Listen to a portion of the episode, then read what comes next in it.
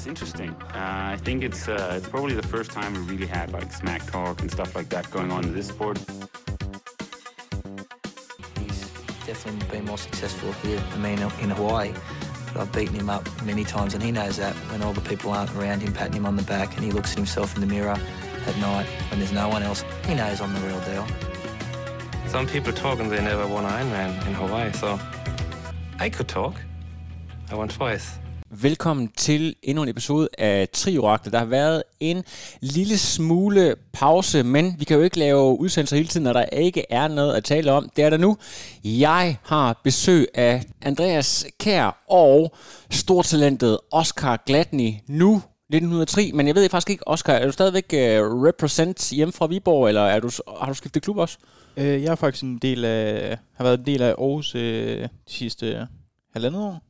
Øhm, så du har, okay, du har simpelthen haft øh, medlemskabet også? Ja, okay. Øh, jeg fik en medlemskab øh, et lille års tid før jeg egentlig selv flyttede. Ja. Øhm, så jeg er fuld Aarhusmand nu. Jeg vil lige have, have formalierne helt på plads, og når jeg snakker om formalier, så skal vi også lige huske at nævne i den her intro, at vi har et par sponsorer, nemlig Med24 og, som du også kender, Oscar, Fusion. Fantastisk, og jeg kan faktisk sige, nu sidder jeg her og drikker en Faxe Kondi Booster. I andre, I har fået henholdsvis kildevand og cola, og øh, nu skal jeg ikke afsløre for meget, men det kan da godt være, at øh, Faxe Kondi går hen og bliver lidt en sponsor på Trioraklet. Big news, big news. I dag synes jeg, vi skal tale lidt om det her med unge talenter, og hvad det egentlig kræver at være med på det plan, som I er. Det er jo øh, national elite i hvert fald, og for dit vedkommende Oscar, også op og snakke noget OL. Du har blandt andet i år været med på øh, Relay og går efter OL i Paris. Det er korrekt. Øh, målet bliver at komme til OL øh, i Paris. Øh, højst synligt på Relay, men jeg kan selvfølgelig også håbe på den individuelle. Ja, præcis. Før vi går hen og taler om jeres respektive sæson, jeg kom jo lidt uforvarende til at øh, bringe noget såkaldt sladder til tors. Det var ikke meningen, det skulle være sladder, fordi jeg troede faktisk, at det var veldokumenteret i og med, at det var en oplysning, der var blevet bragt videre i en anden stor podcast i forhold til det norske landshold. Altså, hvis man følger lidt med på Instagram, så kunne man se, at øh, landstræner Arl Seiden var stoppet som personlig coach for, for nogle af atleterne her. Han er så, øh, kan jeg forstå, gået tilbage i en sådan lidt mere overordnet rolle, lidt ligesom den, øh, den danske landstræner Lars er, og så øh, ja, Michael Idén, altså træner for, for to af dem, og øh, deres øh, lab guy Olaf, han øh, træner Blumenfeldt. Øh, vi kan måske også øh, tale om en vis ideen, der fik øh, Ironman debut. Følg med? Ja, øh, jeg så øh, en del af det. Ja. Øh, jeg synes, øh, jeg har jo faktisk snakket med Gustav, ja. og jeg var ude at spise med ham på Sardinien sidste år. Øh, og virkelig, virkelig fin fyr. Ja. Øh, helt ned på jorden. Så det var man sige, det var, det var godt nok en god debut, han fik, øh, fik lavet sig. Er det også dit indtryk, at han er sådan en, der, der tager lidt pis på det hele? Ja, det er det helt klart. Ja. Altså, man kan måske lidt kategorisere ham sådan ligesom Cameron Worth. Ja. Øh, også sådan en, der på Instagram godt kan altså, lave lidt sjov. Ja. Og jeg så også her forleden, der kommenterede han Christian Blumenfelds øh, opslag på Instagram ja. omkring øh, Cozumel med, at øh, jamen, en Ironman, det var faktisk slet ikke så hårdt og Ja. svært. Så, så han er jo meget ude at lave, at lave sjov med det, og jeg kan også huske, øh, da jeg overkørte Super League øh, som junior, at øh, der var han jo også med som øh, i elitefeltet, Ja. øhm, hvor han også dagen inden, så gik han rundt i, i crocs og Hawaii shorts. Øh, så han er jo meget sådan, han tager det lidt loose og, og hygger sig egentlig bare med sporten, virker det til. Det er præcis, og, og jeg synes faktisk, når vi nu taler om øh, det norske landshold, så er det også lidt øh, det, jeg gerne vil sætte ind i en ramme. Det er nogle gutter, der træner på fuld tid, altså bruger al deres tid på triatlon, og så øh, kan man sige, hvis, hvis de ligesom har sat en standard for, øh, hvor godt det skal være, så har vi I to her fra Danmark, som øh, står lidt på et sted nu, hvor I skal afgøre med jer selv, hvor meget skal triatlon fylde, Andreas, du har øh, også været stoppet på et tidspunkt. Det var ikke øh, på grund af motivation, men det kommer vi tilbage til. Altså, der, der er på et tidspunkt her med uddannelse, kærester, fester, alle de her ting. Øh, altså, hvad skal der egentlig til for at, at øh, nå målet? Hvor meget offrer man egentlig? Men alle de ting, det, det, det kommer vi øh, meget mere ind på. Jeg synes, vi skal lige øh, have gang i dig her, Kær, i forhold til den sæson, der lige har været kørt. Jeg ved, du har været nede og køre noget Bundesliga. Ja, jeg har lige fået et øh, Bundesliga-stævn med, men øh, primært så har jeg ikke kørt forfærdelig mange stævner. Jeg har øh, været ramt af lidt, øh, lidt helbredsproblemer i form af noget, noget astma, så noget, der hedder ILO. Noget Endurance Induced Lateral Obstruction, står ja. det vist for. Øh, men det er grundlæggende nogle vejrtrækningsproblemer. Ja. Øh, de fleste kender nok til astma, men, men ILO, det er lidt mere... Øh, lidt mere en anden kategori. Det er Ja. noget med nogle stemmelæber, der, Ja. der lukker til. Man kan, Men- man kan godt høre, at, at din stemme, som du selv øh, sagde før, vi gik i gang med op til her, er lidt øh, påvirket af det. Det er et eller andet, altså, der sådan er forbundet til øh, vejrtrækningen og, og stemmebåndet generelt, kan jeg forstå. Øh, ja, det er det. Øh, man kan sige, at der er en masse scener, der, der hæfter ved, ved stemmelæberne. Øh, og de hæfter også andre steder, blandt andet tunge og kæbe og så videre. Ja, præcis. og hvis man spænder det uhensigt, eller, ja, uhensigtsmæssigt øh, under træning og så videre, så, øh, så kan det godt blive, øh, blive lukket til ved stemmelæberne. Øh, så det, det arbejder på, på at fikse, øh, blandt andet ved noget, noget logoped, noget, noget talepædagog. Øh, men, øh, men det går fremad, og jeg kan begynde at, begynde at træne igen. Øh, løbe, og, løbe og svømme nogle, øh, nogle lidt bedre tider, øh, end hvad jeg kunne, da, da det var et problem. Fra du kørte stævn sidst, nu har været en corona-pandemi, kan man sige. Altså fra at du kørte stævn sidste gang, og så til den her Bundesliga. Altså, hvor lang tid er der egentlig gået? Hvor lang tid har du ikke været i ilden? Og det, det er svært lige at, lige at huske, hvor lang tid der er gået. Der er i hvert fald gået, gået rigtig lang tid. Og, Ja. Snakker halvandet år? Ja, noget, noget i den dur. Ja. Men, øh, men heldigvis så, øh, så er jeg glad for at træne bare generelt. Så, øh, Ja. så når jeg får styr på det her, og det begynder at spille træningsmæssigt, så er jeg sikker på, at, øh, at der er masser af motivation. Øh, jeg er heldigvis ikke sådan en type, der, der skal se frem mod et stævn for, for at kunne motivere mig. Jeg kan godt bare motivere mig i, i dagligdagen, hvis jeg har det sjovt. Jeg skal lige på, skulle I begge to have kørt det her stævn, der, der var planlagt til Herning, der blev aflyst? Jeg skulle have kørt. Øh, det var egentlig meningen, øh, og var egentlig også derude. Ja. Øhm, men det lå øh, en uge før Hamburg. Ja. Så det var ikke, det var ikke noget, jeg havde. Det var ikke A-priority. Nej, øh, det var Hamburg, der var største prioritet. Men jeg havde stadigvæk øh, støttet op om en dansk mesterskab og, ja. og forsøgt at, at gøre det godt. Var du med her? Øhm, jeg, skulle ikke, jeg skulle ikke have kørt. Nej. Jeg var sådan, jeg tænkte lidt over, hvorvidt jeg skulle køre eller ej, men, øh, men jeg kom frem til, at jeg synes ikke, ikke jeg var nok på toppen til at, til at møde op. Øhm, men jeg, kan, jeg kunne så forstå, at jeg gik glip af forfærdeligt meget. Det gjorde du ikke, men der er en ting, jeg godt lige vil, vil prøve at øh, tale med jer om her, fordi ingen tvivl om, at den situation, der opstår, når der sker sådan et alvorligt uheld, det eneste rigtige at gøre, aflyse stævnet, simpelthen, altså sikkerhed frem for alt. Men jeg kunne godt tænke mig, at vi lige talte lidt om det her med vigtigheden af, at når der nu har været en så stor periode uden stævner, at, at der ligesom kommer nogle race. Vi har også på et tidspunkt haft øh, tri på tyren, der blev øh, løftet af, af Michael Kryer, var en af de store kræfter, der han har så desværre måtte øh, trække sig fra sporten, i hvert fald i en, øh, en periode. Det betyder, at der ligesom mangler nogle store ting på kalenderen. Hvad betyder det egentlig for jer, at der bliver kørt nogle mesterskaber? Det der med, hvor de bedste herhjemme har et sted her, hvor man ligesom måler overarm på dansk grund. Det betyder vel også noget. Øh, du kan starte, Oscar. Ja, altså det gør det helt klart. Ja. Øhm, jeg kan da huske, at øh, dengang jeg var ungdom øh, og junior, altså det fedeste var, da jeg kom ud til et dansk mesterskab, mm. hvor Andreas Schilling og Emil Delorand og Henrik Klemmesen og Emil Holm og alle de der store navne, øh, de var der og konkurrerede om dansk mesterskab, så man havde noget at måle sig med. Ja. Øhm, og det synes jeg jo lidt, at vi desværre har manglet Ja. de sidste par år. Øhm, der har ikke rigtig været den største opbakning til danske mesterskaber. Øhm, men altså det, men, altså det skal sige, at top 3 har måske været den samme, som hvis alle havde været der, men der har bare manglet sådan lidt, øh, lidt flere, der ture at komme op i eliteklassen, øh, og, og måle sig selv med, med eliten. Øhm, og det kan selvfølgelig også have noget at gøre med, at der ikke har været så mange stævner. Ja. Fordi altså tri på tyren var der en virkelig god mulighed for at, at måle sig selv. Øh, nu fik vi så heldigvis lov til at køre i Hvidovre i år til DM Sprint, øh, men helt klart en, nogle flere DM-stævner. Ja. Øh, synes jeg vil være vildt fedt, så man også ligesom kunne få æren af at kæmpe om en dansk mesterskab. Kan I som aktiv gøre noget for at gå ind og, og ligesom påvirke forbundet, eller prøve at tilskynde, at der kommer nogle flere af de her, eller tænker I det lidt ud af jeres hænder, og, og, og sørge for, at der kommer et, et par vigtige stævner? Hvad tænker du om det, Kjær?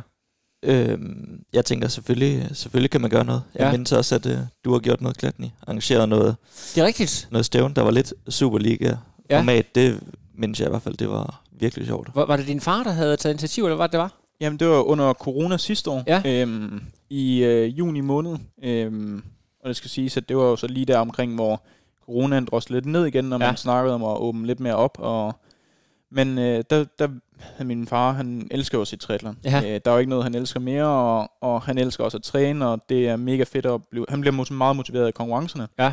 Øhm, så det er egentlig også bare øh, det at, at se alle dem, jeg har konkurreret mod. Mm.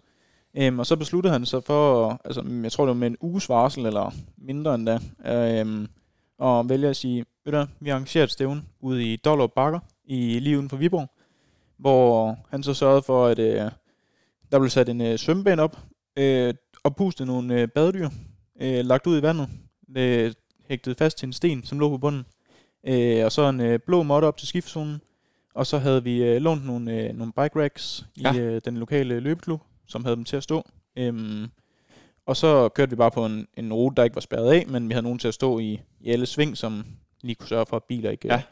kom ind, lige når der kom rytteren. Øhm, og så løb det var også bare foregik i vejkanten. Ja. Så det var meget, meget lavpraktisk, men, men det fik der... Altså, Emil var over at køre. Øh, Anne var over at køre. Altså, jeg tror, Stævns, de fyldte i hvert fald en eller to biler. Ja. Og, og støttede op om det. Så det var det helt klart, det, altså, det synes jeg, det var virkelig fedt. Ja. Øh, også fordi vi havde en lang periode uden konkurrencer. Det er præcis. Men altså, det, det her cannonball-format, det er jo det, som er sport, så bruger jeg et FC Midtjylland udtryk, jeg ikke kan lide, men øh, egentlig sportens DNA. Det er jo sådan, sporten er startet oprindeligt. Der er nogen i øh, Kalifornien, der har lavet sådan nogle øh, stævner øh, nede ved en eller anden strand, eller noget, man bare lige har gjort i forbindelse med noget træning, og så kan vi også lige lægge noget løb på. Altså, øh, jeg ved godt, at selvfølgelig øh, mesterskaber og eliten, de skal selvfølgelig have noget kvalitet, men det behøver jo ikke være øh, sværere end det her. Altså for at, at, at få den her ild, kan man sige. Kunne, kunne det være øh, tænke lidt mere cannonball-format, altså? Ja, helt klart. Altså, det er altså... Øh, det behøver ikke at være øh, kæmpe stort setup. Øh, for min skyld behøves alle vejene ikke være spærret fuldstændig af. Øh, så længe der er nogen, der står og holder øje med, at der ikke lige pludselig kommer en bil rundt i et sving, eller... Altså, så det, jeg synes egentlig bare, det kan gøres meget lavpraktisk. Ja. Øh, og hvis man så havde altså bare en 3, 4, 5 øh, sådan nogle små konkurrencer i løbet af et år, som man, Ja. man egentlig bare kommer og støtte op om. Ikke at man behøver at støtte op om dem alle sammen, men hvis øh, de store klubber, Aalborg, Silkeborg, Aarhus, Odense, København, hvis de nu valgte at sige, mm, en eller anden dag, så mødes vi ude, øh, ude ved Stilling, øh, og så kører vi en time for sjov, Ja. hvor vi udfordrer hinanden, og altså det vil jeg synes øh, var vildt fedt. Øh, og det er virkelig god træning jo. Ja, præcis. så Så det næsten bliver sådan lidt uh, training races Lige præcis. og godt arrangeret. Nu øh, har vi talt så meget om øh, alle mulige andre ting, men det er jo faktisk ikke så længe siden, at du har kørt faktisk nærmere bestemt, hvad, tre eller fire dage? Sluttede du stævne, sluttede du sæsonen af? Det var fire dage siden Ja. i, øh, i øh, Portugal. I, øh, der var en øh, Europa Cup øh, og Mediterranean Championships i øh, Couture. Er det, er det f- anden eller tredje gang, du kører på fuld øh, OL-distance? Det er faktisk første gang. Det er første gang? Ja, Wow. det var øh, debut på øh, den olympiske distance, som ja. er den her 1500 svømning, Ja. 40 cykling og 10 km løb. Øhm, og øh, det havde jeg en rigtig god oplevelse med. Øhm, jeg ender som nummer 21. Jeg havde håbet på lidt mere, men, øh, men sådan rent set i sig selv, så er jeg egentlig rigtig godt tilfreds. Øh, jeg havde det, havde det virkelig sjovt, og, og det var sjovt at prøve en, en ny distance. Ja, præcis. Jeg ved, du taler lidt omkring det her med svømningen, øh, som du ikke var helt tilfreds med. Der er jo ikke, øh, kan man sige, folk, der følger bare en lille smule med i sporten. De ved godt, at det er her, hvor du virkelig skal være med, hvis du skal være med i afslutningen, fordi ellers så bliver det simpelthen for altså ligegyldigt nærmest hvor stærk du er, medmindre du, øh, jeg ved ikke, er opvokset i en eller anden russisk arbejdslejr, så kan du ikke bare cykle sådan et pack ind. Er det simpelthen distancen, der gør, altså en uvandt distance, der gør, at du, du lidt mangler erfaringen øh, til at rykke med? Øhm, muligvis. Ja. Øhm, nu er det jo en 1500 meter svømning, og jeg tror også, de fleste ved godt, at jeg ikke er en, en særlig god svømmer. Øhm, så, så det er helt klart svømning, jeg har mine største udfordringer på.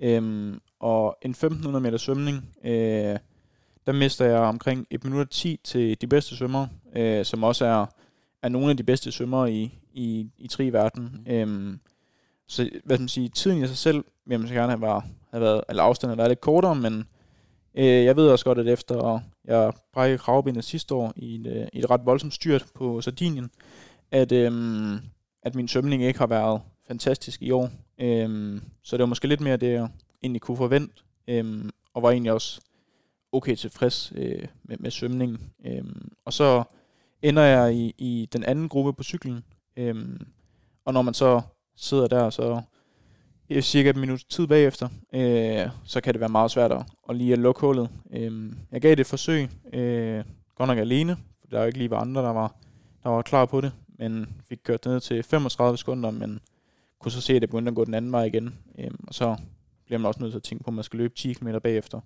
Så, så måtte man heller lige holde lidt igen for at kunne løbe 10. Så, så jeg var egentlig rigtig godt tilfreds. Og du løber faktisk, hvad, 32, siger du? 32-30. 32-30, og det er, altså, hvis man lige sidder og hører det så lyder det jo øh, ret hurtigt, tror jeg for de fleste, men det er jo også der, du skal ned, øh, hvis du sådan for alvor skal være med på det niveau her. Men, det, men en god start for, dit, for dit første, kan man sige, debut på den her distance. Ja, altså helt klart, øh, da jeg satte cyklen øh, og begyndte på løbet, kunne jeg mærke allerede efter 200 meter, at jeg havde krampe i, i begge lår. Ja. Øh, så det, der kommer der lige sådan en tanke om, at 10 km det er faktisk ret langt, når man efter 200 meter nærmest ikke engang kan løbe.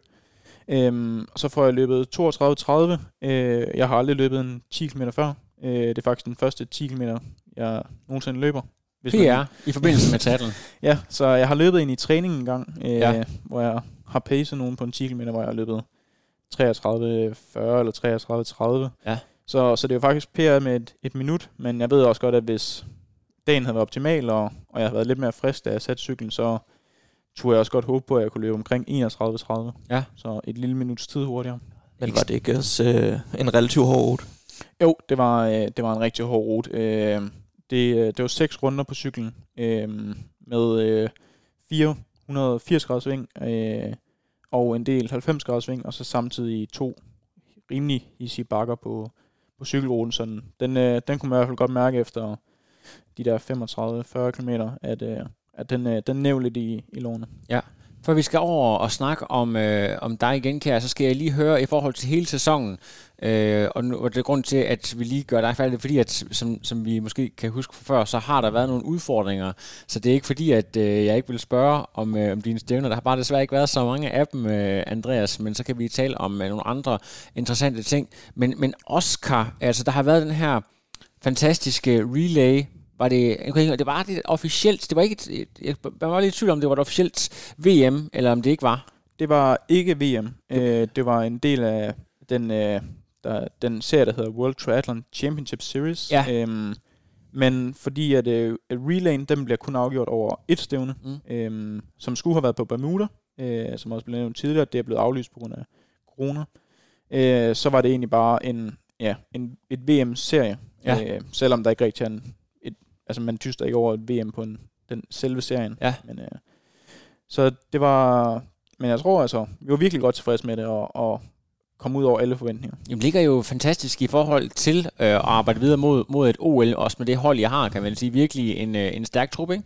Jo, helt vildt. Øh, altså, vi har jo en gennemsnitsalder på hvad, en 22 øh, eller sådan noget i den stil. Ja. Øh, så vi er et virkelig ungt hold, øh, og vores problem har lidt været, at vi har ikke rigtig kommet med til de her stævner øh, i VM-serien, øh, fordi at vi har lagt så langt ned på verdensranglisten. Ja. Øh, og jeg tror, jeg tjekkede efter racet, at jeg tror måske, vi har rykket 10-15 pladser op på verdensranglisten, bare ved det ene resultat. Ja, øhm, så det giver os helt klart nogle muligheder øh, for at komme med næste år. Ja. Så, så det gør det hele lidt nemmere i forhold til, til ordene. Altså nu, det der med at sidde og vurdere sig selv, kan samtidig være svært. Øh, du sad garanteret og fulgte med, Andreas. Hvad tænkte du øh, om, da du så øh, det resultat? Ja, jeg tænkte jo, det var, det var vanvittigt kørt. Øh, det er jo helt vildt, helt vildt at køre en uh, top 3 ind, når det, når det er VTS. Det er ligesom de stævner, man ser, at det, det kan virke så, virke så fjernt, øh, når, når de folk er nede og kører ekstremt hurtigt. Øh, så det, det var vildt nok, at det var nogen, man kendte, der, der leverede sådan et resultat. Lige præcis. Og i, i, i og med, at du øh, har været ude af sporten i en periode, og det kan vi så godt gå over og tale med, eller om nu her, øh, hvorfor. Øh, lige præcis selvfølgelig har været en, en coronapause, men du har jo været en integreret del af år 1900's elitehold i tre eller fire år, kan det passe?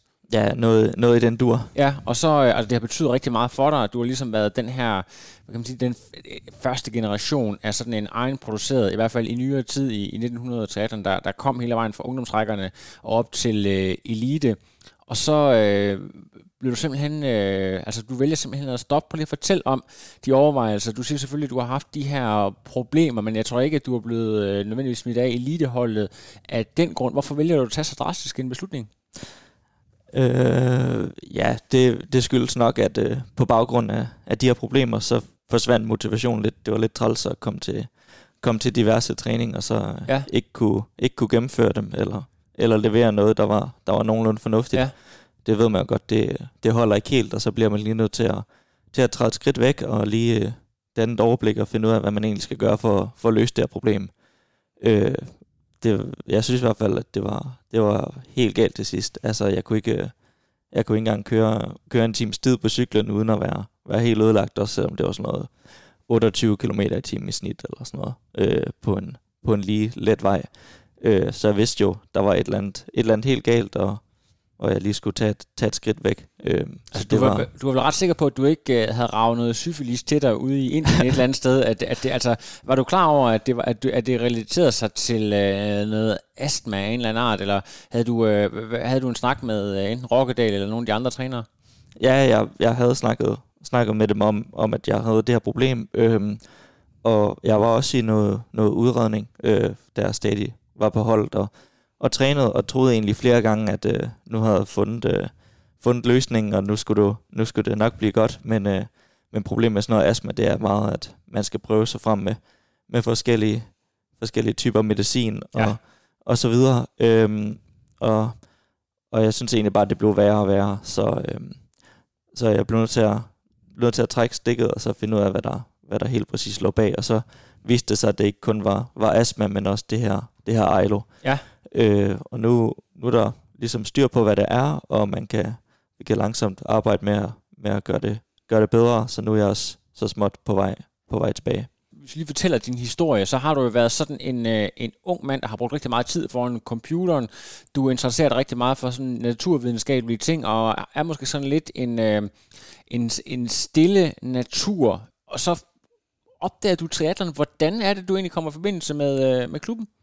Jeg, jeg opdager triathlon ved, at altså, jeg er ude, jeg har lige sådan en årgang, hvor jeg prøver en masse forskellige sport, øh, der jeg tænker, at der er selvfølgelig noget pres hjemmefra, at jeg ikke bare skal sidde og spille computer 8 timer hver dag. Jeg bliver simpelthen nødt til som minimum også at, også at lave, en, lave en lille smule, så er jeg ude på en masse forskellige sportsgrene af, og, og mærkeligt nok, så ender det med, at øh, noget så vildt som, som triathlon fanger mig, og så ender jeg så i 1903, da det, det ligesom er den eneste, eneste triklub her i, her i Aarhus, øh, og det, det er den helt spæde start i forhold til, forhold til ungdomsafdelingen. Så, så du opdager, at der blev, der blev udbudt, jeg tror, man er lige gået i gang på det her tidspunkt med at etablere en øh, ungdomsafdeling med en fast træner. Det har jo ellers været sådan noget, hvor det øh, har heddet sig i mange år, at øh, man faktisk overvejede, om, om triathlon overhovedet var for unge mennesker, for de der universitetsstuderende, der kom ind, de gad da ikke stå der og, og have med de der børn at gøre. Så det var jo egentlig ret nyt på det tidspunkt, at man havde sat folk af, Peter Don var ude for, øh, som var ungdomstræner, var ude for en ret alvorlig bilulykke, der satte ham fuldstændig ud af spillet i forhold til hans egen træning, men så valgte han så i en lang periode at dedikere en masse tid til at tage, tage sig af i uh, unge mennesker. Hvordan var det egentlig at komme ind på det tidspunkt øh, som en person, der ikke øh, sådan havde sports i sit blod per se, og så øh, komme ind i hele den her verden, og med den naturvidenskabelige hjerne, du har, hvad var det så, der, der fængede dig ved Swim Bike Run? Øh, jeg tror egentlig, egentlig altid, jeg synes, det var, det var fedt nok at løbe. Øh, jeg har også en, en mor, der løber en del, ja. og øh, har løbet, løbet lidt med der, og fået at vide, at det var egentlig, det var egentlig okay til. Øh, så, så det løb fangede mig. Øh, og så øh, synes jeg egentlig også, cyklingen var okay. Svøm synes jeg var forfærdelig, som, ja. som alle, alle, der lige starter uden nogen svømmebaggrund, har det. Øh, men øh, jeg tror egentlig bare, at jeg havde det, havde det hyggeligt på holdet, øh, fordi, øh, øh, fordi jeg havde det i hvert fald ikke, øh, ikke særlig let træningsmæssigt. Jeg blev bare kørt i grøften til, til hver eneste træning, og, og kunne godt finde på at komme, øh, komme til træning efter at have været til sådan, sådan en lan aften, hvor jeg har siddet og spillet computer hele natten. Øh, så jeg har ikke sovet forfærdeligt meget, så jeg var blevet kørt, kørt midt over til træning. Øh, så jeg tror, det er helt klart, der var, det var det sociale og det her fællesskab, der, der holdt fast i mig. Du bliver så lidt en talisman for gruppen, og øh, man kan ikke tale om øh, ikke voksenmobning i Snit Ottesen forstand, men mere sådan en, øh, en kærlig omgangstone, der nogle gange kan være, når øh, der er sådan en god træningsgruppe. Altså det her med, at du øh, var sådan en øh, nerd, sagt med andre ord, og til, til at du bliver mere og mere eliteorienteret og, og lærer måske også at tænke lidt mere som en elitesportsmand. Altså, kan du, kan du mærke, at det sådan sker gradvist? Ja, det er jo en, det er jo en udvikling, der, der stille og roligt kommer. Ja. Øh, det, er jo, det er jo fordi, man har det, har det fedt til træning og Ja. får lyst til at træne, og så følger det ene det andet, og så til sidst så får man jo et øh, vist niveau. Øh, og så følger det her, det her elite. Øh, og det er, jo, det er jo egentlig meget fedt. Ja, lige præcis. Men øh, hvad har det, det der med, når du, du er inde i, i hele det her talentsystem, så, så er det, starter det i virkeligheden med, at det er, en, det er ret få træninger, hvor I samles til, at det nærmest bliver træning hver dag. Hvor lang tid går der, inden det ligesom går fra i det små til, til det fylder det hele? Og det, der går lang tid. Okay. Øh, det, der, går, der går en del tid. Jeg skulle lige lære svømme og sådan noget først, før jeg kunne tænke mig at kaste mig ud i det. Mm. Men, øh, men det, det er noget, der sker langsomt, gradvist. Øh, og så bliver der bare smidt flere og flere træninger på, og til sidst så, så er det ikke kun fællesskabet, så begynder man rent faktisk også at gå lidt op i den der tri, og kan, kan godt tage ud og træne en lille smule selv.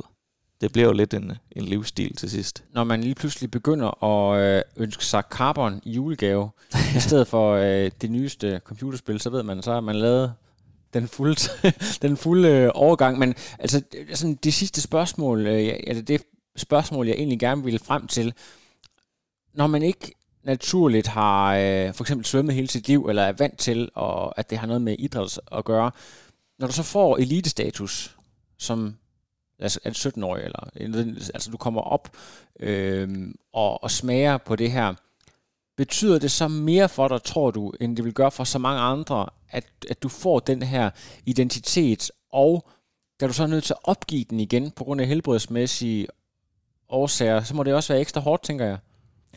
Øh, ja, det, hvis man lige kan starte med at svare på, altså det betyder rigtig meget at så lige pludselig blive, blive kategoriseret som, som elite og komme ind der. Det er jo bare kudos for det hårde arbejde, man ligesom, ligesom har lagt, og de, Ja det offer, man nu har, har givet i forhold til at prioritere tri så højt. Øhm, men i forhold til, hvordan det var lige at stoppe, og hvordan det føles, det, jeg tror ikke, det var et problem på det tidspunkt. Øh, jeg havde ligesom gået en del med det der vejrtrækning, og synes det var svært, så jeg tror egentlig, tror egentlig det føles naturligt, også fordi jeg vidste, at det ikke var, det var ikke farvel, det var, det var nærmere sådan på gensyn, så, så jeg tror ikke, det var et, det var ikke et problem for mig der at, at stoppe.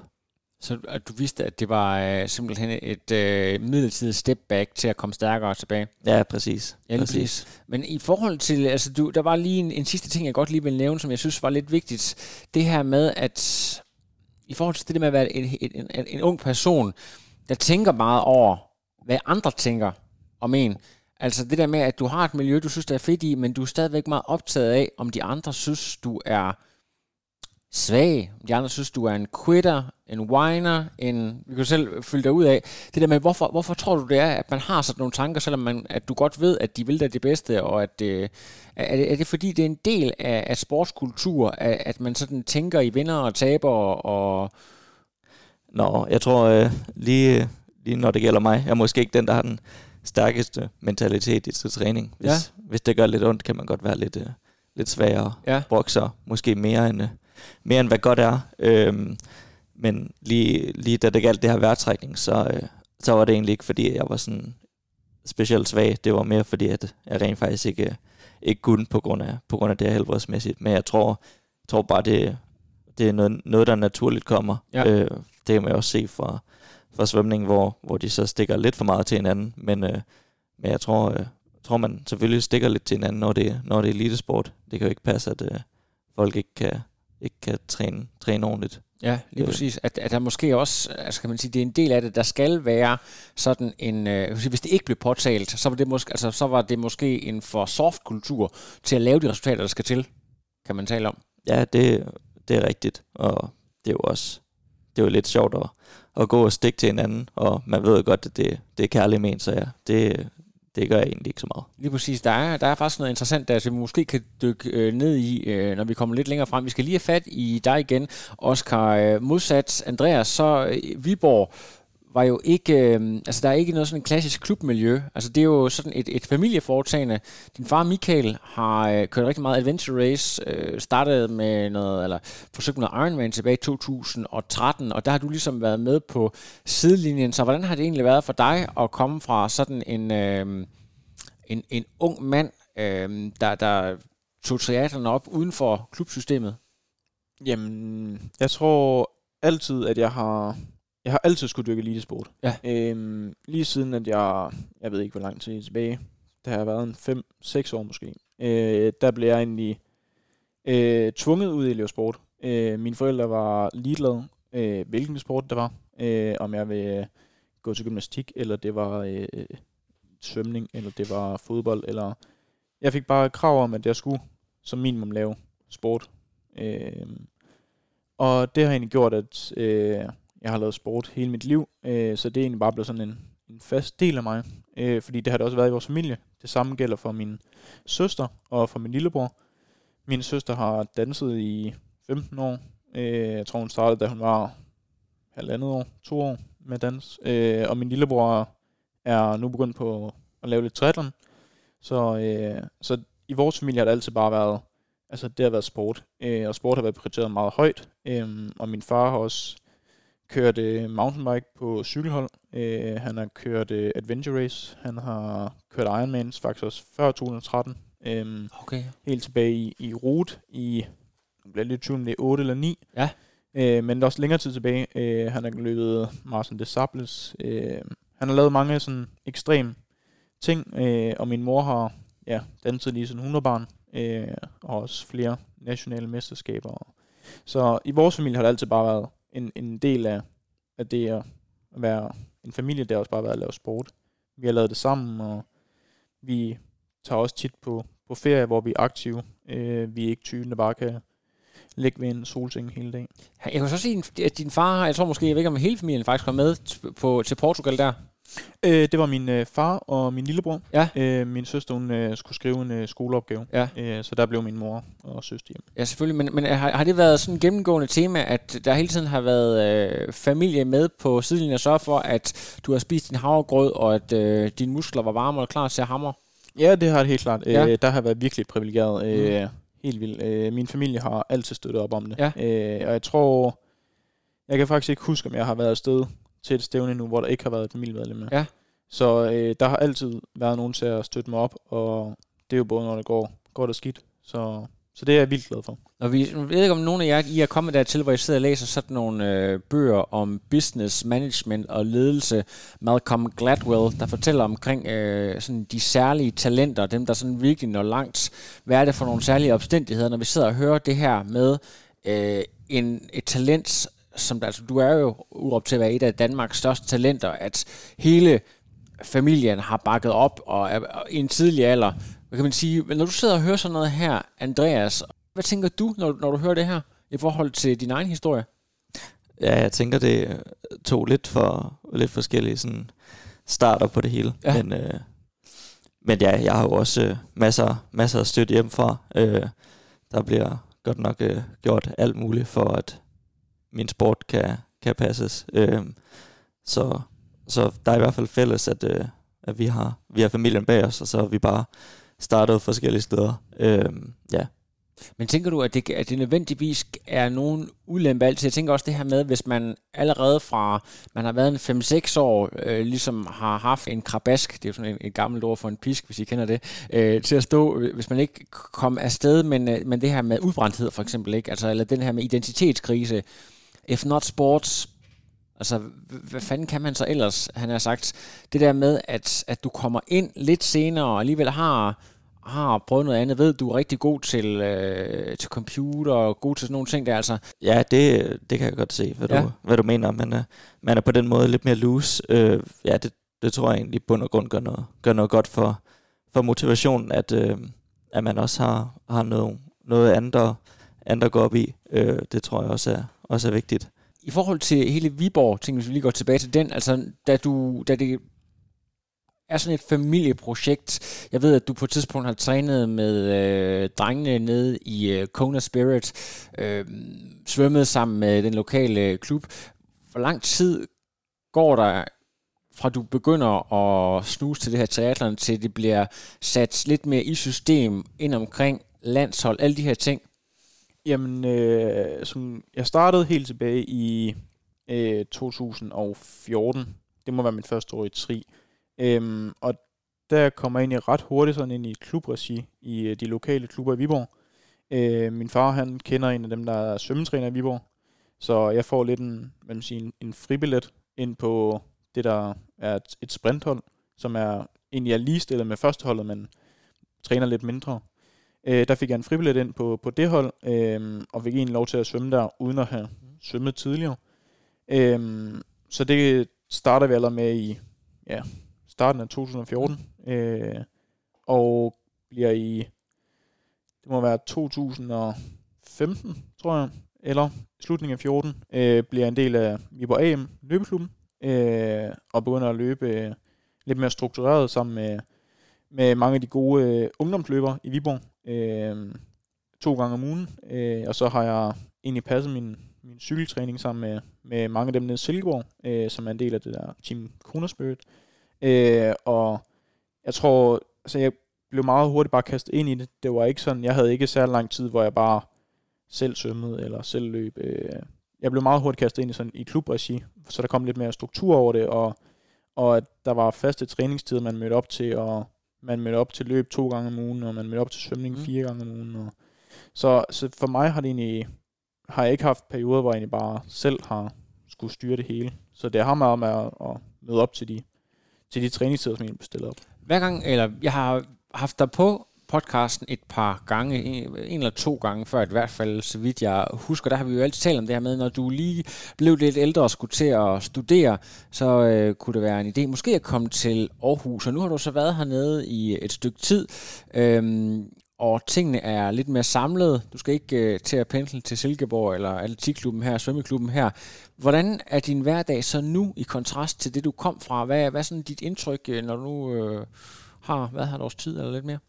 Jamen, øh, jeg har været her siden sommerferien, ja. øh, og har allerede fundet mig godt til rette. Øh, og jeg nyder det her med, at øh, jeg bor nede på, nede på øh, atletikstadion, øh, nede på Ceres Park, øh, på et kollegieværelse, øh, og det at have en løbebane øh, 20 meter fra, fra døren, øh, det er jo optimalt, og svømmehallen ligger lige over en kilometer væk, og altså så det træningsmæssigt giver det mig i hvert fald mere frihed, øh, fordi man ikke også lige skal tænke på at bruge øh, 45 minutter på transport til at komme til Silkeborg for at cykle om søndagen. Eller... Bor, bor du der gratis via, via Team Danmark-ordning? Øh, det er desværre ikke gratis, øh, men øh, det er... Øh, det Favorable? Er, ja, det er... Jeg giver 3.500 i okay. husleje. Ja, det er, øh, så det er, det er billigt i Aarhus, men øh, ja. det er så også kun på, på 16 kvadratmeter. Ja.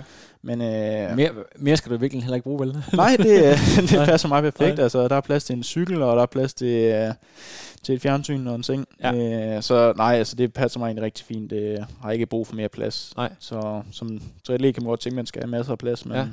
vi er jo i princippet også bare mennesker, der bare skal have en cykel og Præcis, seng. rent fondremø øh, stemning der. Ja. Øh, fantastisk. Altså, du, og, og i forhold til øh, at finde et det kan du måske også tale mere om, Kær, det der med, at man lige finder ind i en, øhm, en klikke, fordi altså vi er jo, eller Aarhus har ligesom så mange andre klubber derude, været sådan en long distance klub, hvor de kom for at køre Ironman primært, ikke? Altså, øh, og det er også nogen, der er måske lidt ældre. Vi har rigtig mange, der er omkring 30, midt 20'erne, 30, og så har vi sådan nogle gamle nogen som mig i slut 30'erne. Så når man kommer i, i starten af 20'erne, og så lige skal finde ind med nogen på samme niveau, og, og, og hvad kan man sige, nogen også har lyst til en gang imellem at gå ud og drikke en sodavand med at spise en pizza osv. Hvordan har det egentlig været? Jamen altså, jeg er ikke sådan det mest sociale menneske, men jeg synes faktisk, at der er blevet taget virkelig godt i, imod mig. Ja. Øh, og har, har nyt det at komme, og jeg skal være ærlig at sige, at jeg havde lidt en bekymring for, at mit svømmeniveau måske egentlig nok var lidt øh, altså bedre, end, end det egentlig har været sådan generelt i Aarhus, øh, men jeg er egentlig bare kommer ned og blevet positivt overrasket. Øh, der er virkelig højt niveau på, på alle tingene, mm. øh, og jeg kan, har fundet nogen at svømme sammen med, og øh, løbetræningen, der bliver man også udfordret, fordi at, øh, så kommer der løber fra AGF, og så kommer nogen fra Aarhus Fremad. Og, altså, så det, det, det passer mig egentlig rigtig fint, det der med, at, at man stadigvæk bliver rigtig meget udfordret i træningen. Nu øh, kan jeg simpelthen ikke lade være at gribe den bold. Du siger om dig selv, at du ikke er den mest sociale. Er du den her type, der, når du har været ude sammen med andre, har brug for øh, alene tid foran computeren, øh, se en film eller sådan noget, for ligesom at, at tanke op igen? Er det den her, man også kalder for introverts? Det er sådan noget, som folk de nærmest øh, bærer med sådan et badge nu, at, at man er såkaldt introvert. Men, men vil du, er du, øh, tilhører du den kategori? Øh, ja, det vil jeg nok gøre. Ja. Øh, jeg har i næsten, altså lige siden folkeskolen. Øh, jeg tror måske, det sluttede måske lidt i folkeskolen med, med at jeg var meget sådan udadvendt, men i gymnasiet og efter det har jeg egentlig bare meget passet mig selv. Ja. Øh, jeg har, kan sagtens møde op til træning og, og snakke med folk og hygge Ja. mig, men øh, jeg har det også fint nok med ikke at skulle mere efter træning, øh, Ja. og bare kan være alene, øh, sætte sig og se en, en film, eller sidde og spille lidt computer, eller et eller andet og, og koble af, fordi jeg er meget indadvendt. Så- Øh, Så det gør der ikke noget, at der ikke er 10 øh, forskellige fra folkeskolen og gymnasiet, der hænger i telefonen hele tiden? Du nej, ligesom det, det passer mig ganske fint. kan- Fremragende. Og kan du genkende det her? Ja, jeg vil nok også, øh, vil også sige, at jeg kategoriserer mig selv som, som introvert. Men, Ja. ja. øh, men selvfølgelig skal man også have sit, øh, sit fix af, af social. Øh, så, øh, så det er jo også lige at finde en, øh, en balancegang der. Men, men ja, det er jo også ikke ekstremt vigtigt at kunne komme hjem og bare være for sig selv, og så lige tanke op øh, på, noget, på noget energi. Øh, ja, nu, kommer jeg jo, nu kan jeg jo ikke lade være, og øh, lige, nu har jeg lavet en lille bitte smule research, ikke meget, men lidt har jeg lavet to opslag på Instagram. Altså det er jo, øh, det er jo altså, du, hvorfor har du overhovedet den konto? Altså han har sagt, altså er det sådan lidt det der med, at øh, du gider ikke rigtig det der med at, at skulle ud og tage en masse billeder af dig selv, der, der træner. Det er nogle andre ting, der er vigtige for dig. Ja, det ved jeg ikke, hvor, hvor vigtigt jeg lige synes, det er. Det skulle nok mest være for, for at finde nogle sponsorer, men, Ja. øh, men der har min, mor min ryg, øh, Instagram-konto eller ej. Ja, Øh, ja, men jeg skal også lige have et eller andet interessant at lægge op. ja. Øhm, og nu har jeg jo været ude noget, noget tid, og der har været pandemi og corona, så, så der er ikke sket så meget, øh, meget interessant på, på den front. Er I ikke enige om, eller jeg ved ikke, om I har den samme opfattelse som mig, jeg tror, det er det, jeg vil sige, at Instagram, det er triatleternes sådan foretrukne platform, der hvor, hvor tingene de foregår. Det er i hvert fald der, hvorfor jeg primært øh, er derinde, at, at det ligesom er der, folk de interagerer. Øhm, det her med sådan et krav om, at man helst skal være aktiv på Instagram og Strava, hvad, er, det, er det også noget, du øh, går og battler lidt med, Oscar? Ja, det er det helt klart. Ja. Øh, hvis det lå fuldstændig til mig selv, så tror jeg slet ikke, jeg havde Instagram. Nej. Øhm, øh, og jeg er heller ikke typen, der deler så vanvittigt meget sådan. Øhm, så jeg kan godt lide at dele, hvordan for eksempel et race er gået, eller Ja. en optakt, eller sådan. Øh, men det er, det er lige så meget, fordi at jeg ved, at jeg har nogle mennesker, som støtter mig, øh, som gerne vil følge med i det. Ja. Øhm, og hvis, ja, hvis det stod til mig selv, så, så tror jeg egentlig bare, jeg passer mig selv, passer min træning, og gjorde, hvad jeg egentlig føler, jeg har mest brug for at gøre, Ja, som egentlig er at forbedre mig i triathlon. Ja, Jeg vil sådan høre dig nu her. Du er meget, øh, du er en øh, pæn ung mand, velartikuleret. Det vil sige, at du har de der ting. Du kan også se, at øh, sådan en som, som Magnus Ditler Dittler for eksempel, der, ham kom det bestemt heller ikke naturligt, men har jo lært de her ting.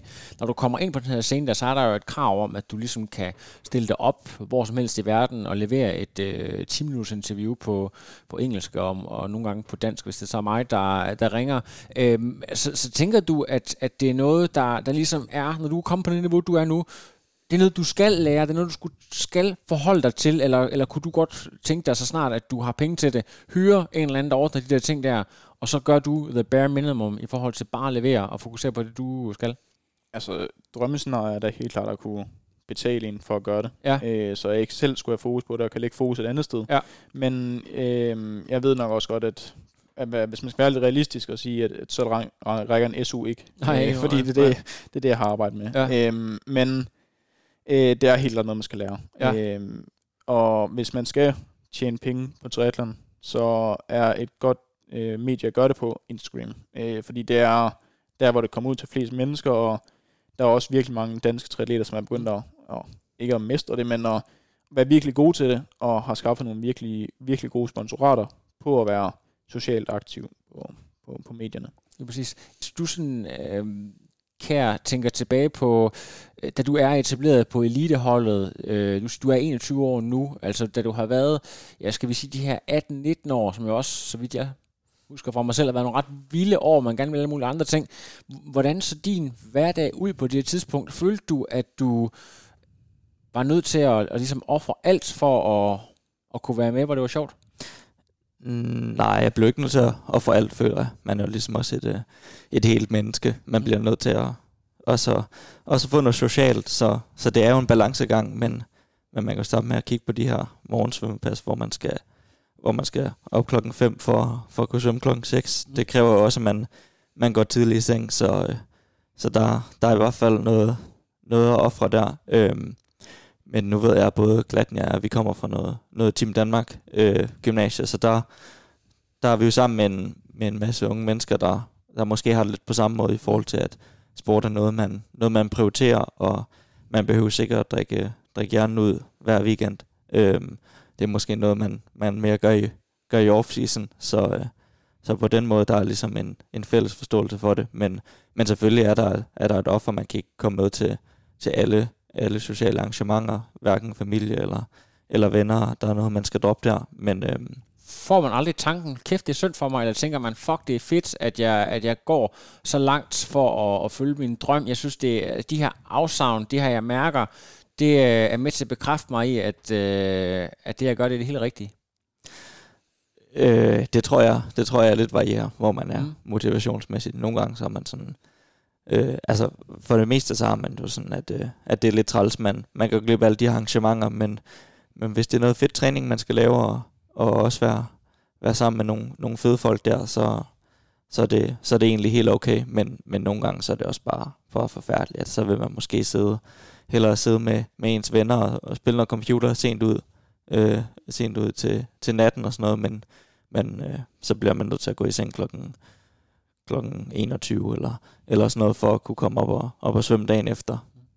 Nu har jeg talt med en del øh, efterhånden, som også har været inde omkring Team Danmark, og det er lidt mit indtryk, at det kan godt være, at der starter en hel klasse af Team Danmark Øh, hvad hedder det, øh, ja, aktiv, men efter relativt kort tid, efter et eller to år, så øh, er de fleste faktisk stoppet med at være eliteaktive, netop fordi den her alder, der sker så mange ting, andre prioriteter osv., øh, men altså triatleter er jo sådan lidt det der med, at, at det er jo noget, der går i blodet på en helt anden måde, det bliver en identitet. Altså, jeg har et indtryk af, at man kan godt stoppe med at spille, øh, spille fodbold og stadigvæk øh, være fodboldfan, men, men det der med at stoppe med at være triatlet, det er bare, altså, det ligger bare helt anderledes i ens, øh, i ens blod.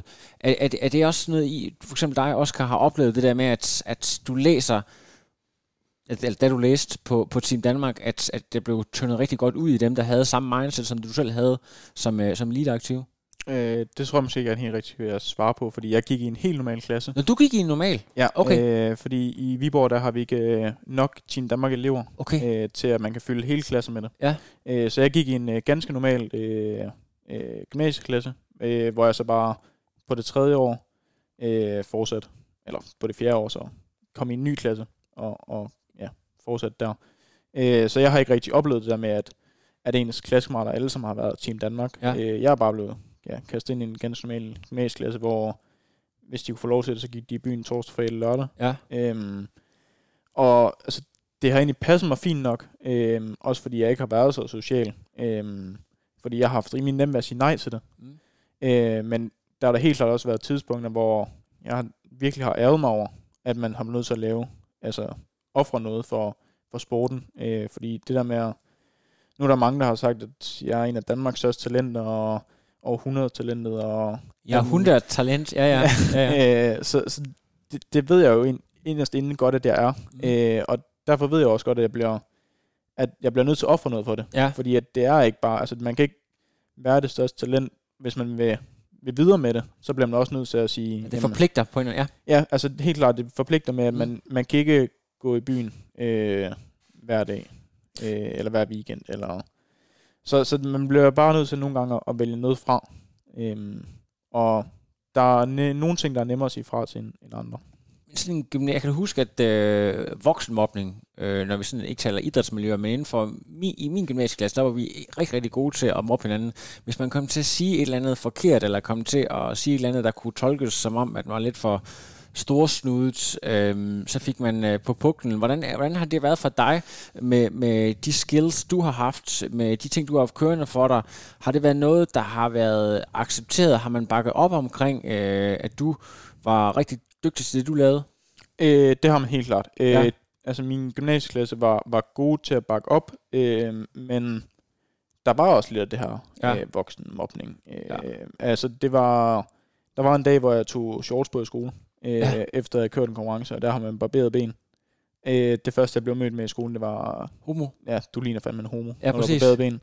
Øh, og det er jo, man kan jo godt grine af det, Ja. øh, fordi det er jo meget sjovt, og jeg ved jo også godt, at det, det, er, det er noget, man, man skal gøre til konkurrencer, og det er jo ikke, altså, jeg tror, hvis jeg havde et helt frit valg, så jeg måske have gjort det. Øh, men, men det var jo bare nogle gange blive mødt det der med, at altså, der blev lavet faktisk lavet sjov med en Ja. i, i skolen, fordi at man var øh, anderledes og, og speciel på mange måder.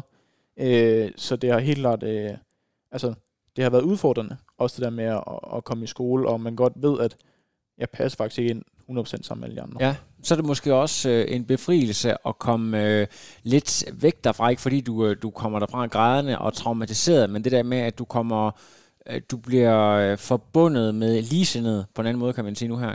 Ja, øh, helt klart. Øh, altså, det var overhovedet ikke, fordi folk skal undre mig. Øh, altså, det var i, i gymnasiet var ikke hårdt ved mig på nogen måde. Øh, og de var gode til at støtte op om mig, da jeg blev verdensmester i cross som junior. Ja. Øh, den første dag, jeg mødte i skole, øh, havde min klassekammerater pyntet op og øh, kom med champagne. Øh, så der, der blev jeg også støtte op om det. Det, det, det er pænt af drenge, men, men jeg drikker faktisk ikke godt.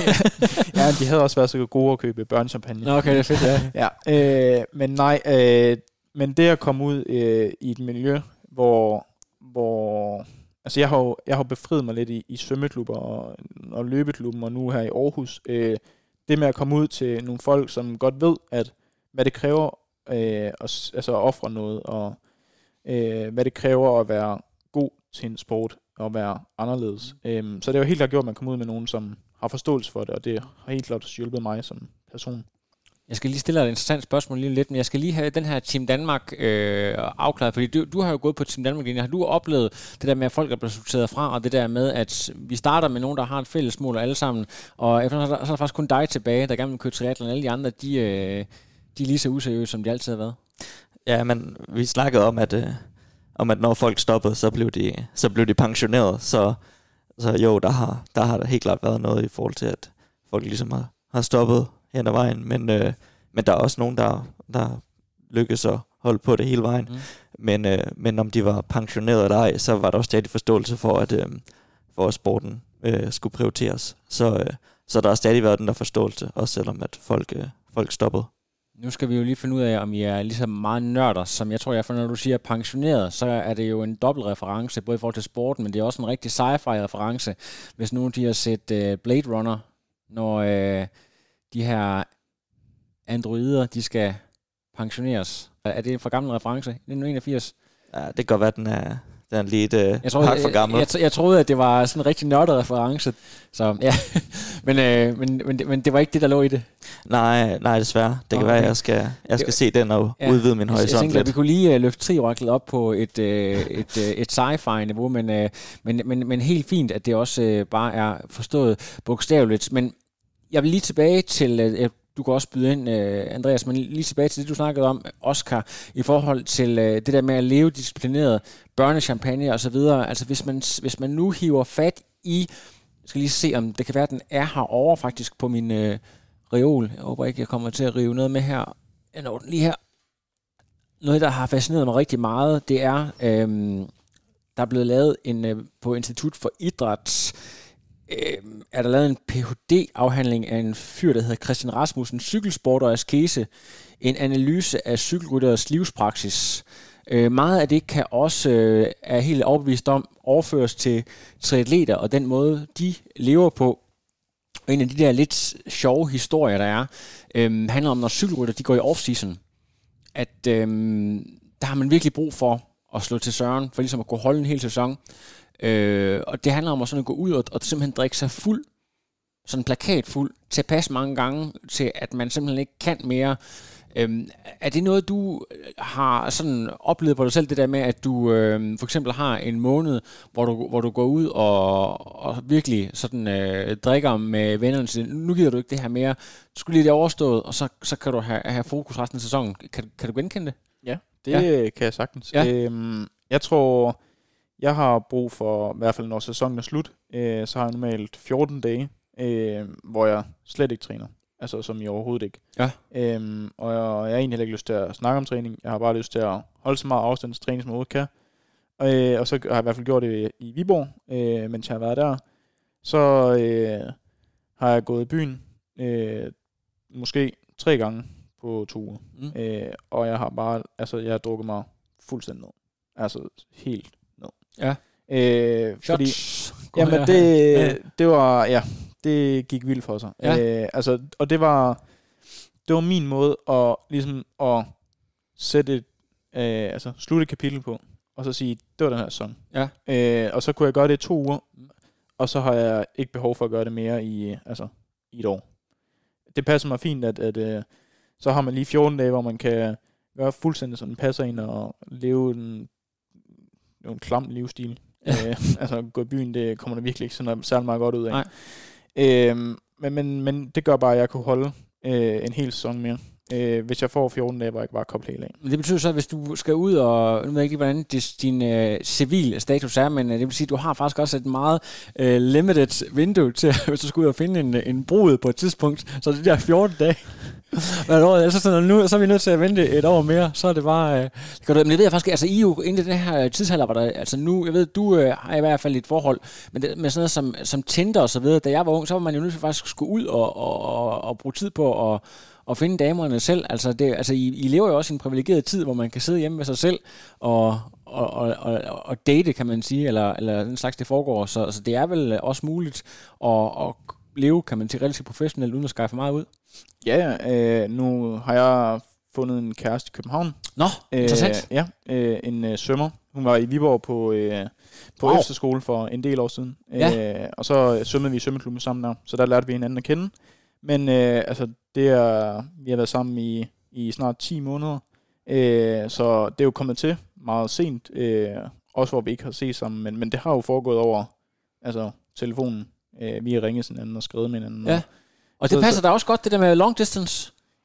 Ja. Øh. Altså i forhold til, altså nu, altså, nu kan jeg jo godt øh, blive lidt øh, personlig her, fordi altså jeg har jo også øh, selv øh, haft, øh, mens jeg har været på højskole og så videre, altså at, at man faktisk føler, at man kan være en bedre kæreste, når man, øh, hvad kan man sige, har sin egen space, og kan give fuldstændig ned, og så levere den energi, man har tilbage til, til den anden, øh, med, altså, bortset fra, hvis man gik og trådte hinanden over tæerne hver eneste dag, altså.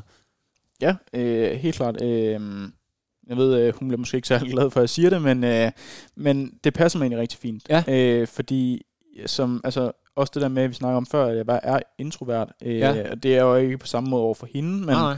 men det at være sammen i, i bare en weekend, for mig er egentlig okay.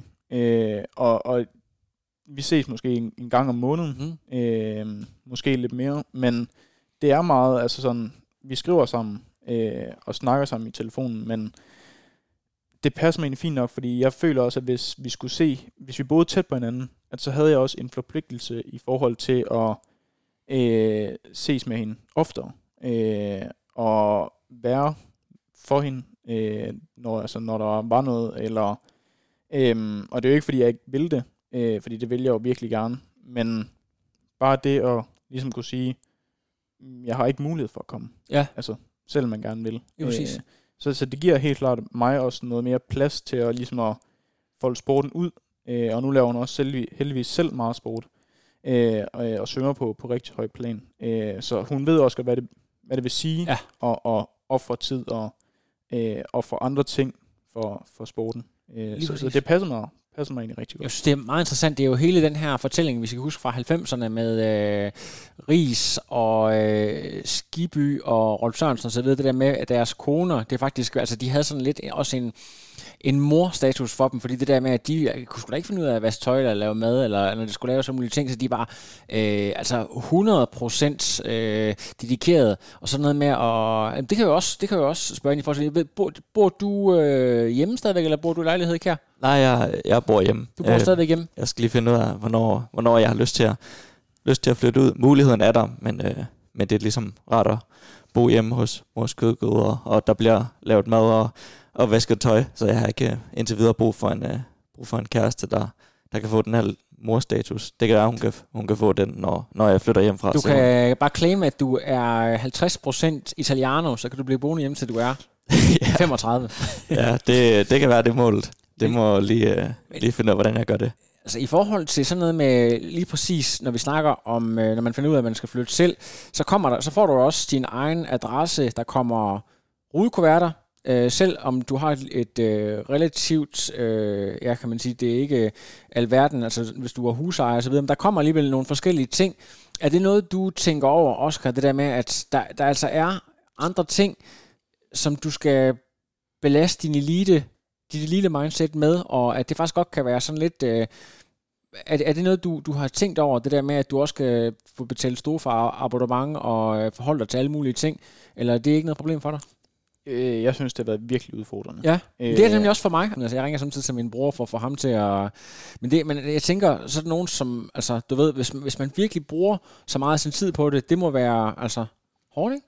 Jo, altså, jeg er jo vokset op hjemmefra, hvor der virkelig har været altså, meget støtte fra familien, og Ja. ja. jeg har ikke skulle lave noget, øh, noget som helst, og, og så lige pludselig bare fra den ene dag til den anden bare blev kastet ud i, at nu skal jeg selv stå for at handle og lave mad og vaske tøj og, og det ene og det andet. Øh, og det er jo ikke fordi, det tager lang tid, og det er jo ikke fordi, det er et problem i sig selv, men det er bare lige pludselig, at lige pludselig så går tiden bare. Ja. Øh, og, og så glemmer man den ene ting, og så bliver man lidt stresset over det, og, øh, og det er ikke fordi folk skal undre mig, fordi min familie støtter mig stadig meget, og har også sådan noget forsikringer og sådan noget. Det, det stå, styrer de stadigvæk Ja. ja. og, be, og betaler for, så de, de støtter mig jo stadigvæk rigtig meget. Øh, men stadigvæk det der med at, at skulle holde styr på sit eget liv, egentlig, Ja. hvor der egentlig nogle gange tidligere bare har været sådan, det klarer min mor for mig. Ja, ja. Eller, Har, har du fået sat et system nu, så du ligesom har sit, de og de dage sker der det og det?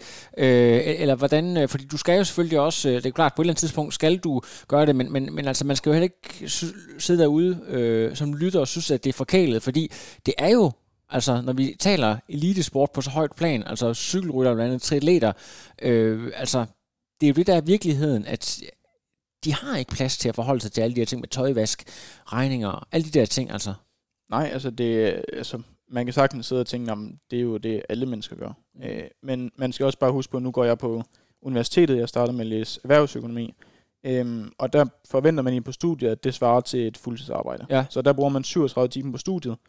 Øhm, og hvis man så samtidig skal dyrke triathlon på det plan, jeg gør, mm. hvor man egentlig gerne vil op og være international elite, Mm. øhm, så er det også lige før, at det kræver 37 timer. Ja. Øh, og så står man lige pludselig med, hvad der svarer til to fuldtidsjobs, øh, og så samtidig skal stå for, for resten selv. Mm. Mm. Øh, og på et tidspunkt, så bliver det bare ret meget. Ja, too much. Ja, og så der, der er mange, der bare var sådan, kan du så ikke bare lige træne to timer mindre? Mm. Jo, det kan jeg sagtens, men, men så går jeg også på kompromis med min sport, og det har jeg ikke lyst til. Øh, fordi at jeg ved, at hvis jeg træner to timer mindre om ugen øh, det næste år, så er sandsynligheden for, at jeg kommer til OL øh, mindre. Øh, så det er jo hele tiden, man skal hele tiden veje op med, hvad betyder mest for mig. Øh, og det er jo igen det her med at være talent og ofre ting, og det er bare ikke, altså det er ikke måske så nemt, som man egentlig går og tror, det er, og, og gerne vil lave sport på allerhøjeste plan. Jeg synes, det er super interessant det her. Altså, Kær, kan du komme i tanke om på et eller andet tidspunkt, hvor du synes, at nu bliver du for meget nørd, nu skulle du også lige gøre op med den, dit eget introverte selv, så gik du på kompromis med dig selv, og gjorde noget, du egentlig ikke havde lyst til for andres skyld, og så stank din træning bare, eller alting det sejler, og sagde, det her, det, det, det kan jeg ikke gøre, eller hvor du ligesom fandt ud af, at du ligesom var nødt til at, at være tro mod, mod den person, du er, øh, for at kunne levere øh, det, du gerne vil, træningsmæssigt og resultatmæssigt. Altså mener du, øh, hvad, hvad mener du med, hvor, hvor jeg tænker gå på kompromis? det der med, at vi snakker om det der med for eksempel, at du har nogle venner, som måske, eller nogen fra gymnasiet, der gerne vil have et eller andet øhm, socialt af dig, eller forlanger din tid. Nogle mennesker forlanger din tid, noget familie, fødselsdag, eller andet, hvor du så nu, nu øh, jeg vil egentlig hellere fokusere på mig selv. Jeg, skal, jeg har de her træningspas, jeg er inde i et godt flow, og så kommer der lige den her obstruction udefra, hvor man lige skal øh, vise fladet, fordi det ligesom bliver forventet af en. Eller har du tidligt lært at få sagt fra over for den slags ting? Det var egentlig det, jeg tænkte på. Jeg synes, øh, jeg synes egentlig, jeg er super god til at, til at sige fra over for nogle ting. Ja. Øh, det bedste, men jeg har nok derfor ikke det bedste, men, men det, det der træder mest kraft, det er nok, øh, vi, vi har jo noget, noget studietur, så var det sådan noget Team Danmark studietur, der, øh, der var vi også nogle stykker, der ikke tog med, fordi at der var nogle svømmer, der havde noget DM, så de kunne ikke lige, øh, lige have to uger, eller en uges tid, hvor de, hvor de var ude, uden for vandet op til DM, og, og jeg mindes, at jeg havde noget, noget træningslejr med 1903 på, på Mallorca, så, så det valgte jeg også øh, til i stedet for studieturen, og det, det er selvfølgelig smadret ærgerligt, især når man hører, at studieturen var, var virkelig fed, men, øh, men det er egentlig ikke noget, jeg, jeg fortryder efter. Nej, altså, Ja. men, men, men altså, det har, har, der, har, der, har der sådan været en gentagende ting, det der med, at, at folk de til sidst stopper med at spørge dig, fordi de, de kender svaret, han har sagt. Øh, ja, der er selvfølgelig nogle vennegrupper, hvor, hvor man ligesom, når man har sagt, sagt nej nok gange, så er det sådan, så, så spørger vi egentlig ikke, øh, egentlig ikke mere. Du skal vide, at du, øh, du er velkommen til at komme, men, men vi gør ikke nogen, nogen indsats for, at, for at du kommer med. Men det, det tror jeg egentlig, jeg har det, jeg har det fint nok med. Ja, lige præcis. Og, I forhold til dig, øh, har, har du øh, sådan fra start af haft, øh, kan man sige, været god til at kommunikere ud, hvor dine grænser lå, eller har du også prøvet på et tidspunkt at være sådan lidt i slingerkurs i forhold til at, at holde dit niveau, fordi du gik for meget på kompromis, og så har været nødt til at, ligesom, at dreje tilbage igen? Ja, altså, da jeg startede med sporten, sådan helt tilbage, der det har været 8. eller 9. klasse i folkeskolen. Ja. Øhm, selvom jeg ikke træningsmænd var særlig ambitiøs, Mm. mm. så var jeg egentlig ret ambitiøs. Øh, og det allerførste interview, jeg laver med den øh, lokale avis, øh, hvor jeg er ude sammen med min far, øh, så bliver jeg spurgt om, hvad målet er. Og jeg tænker klart, øh, det er OL. Øh, det er det største, man kan inden for triathlon, Ja. det er at komme til OL. Øh, og min far, han når så øh, nærmest inden jeg har sagt sætningen færdig at sige, ja, det er måske også lige lidt for høje ambitioner. Ja.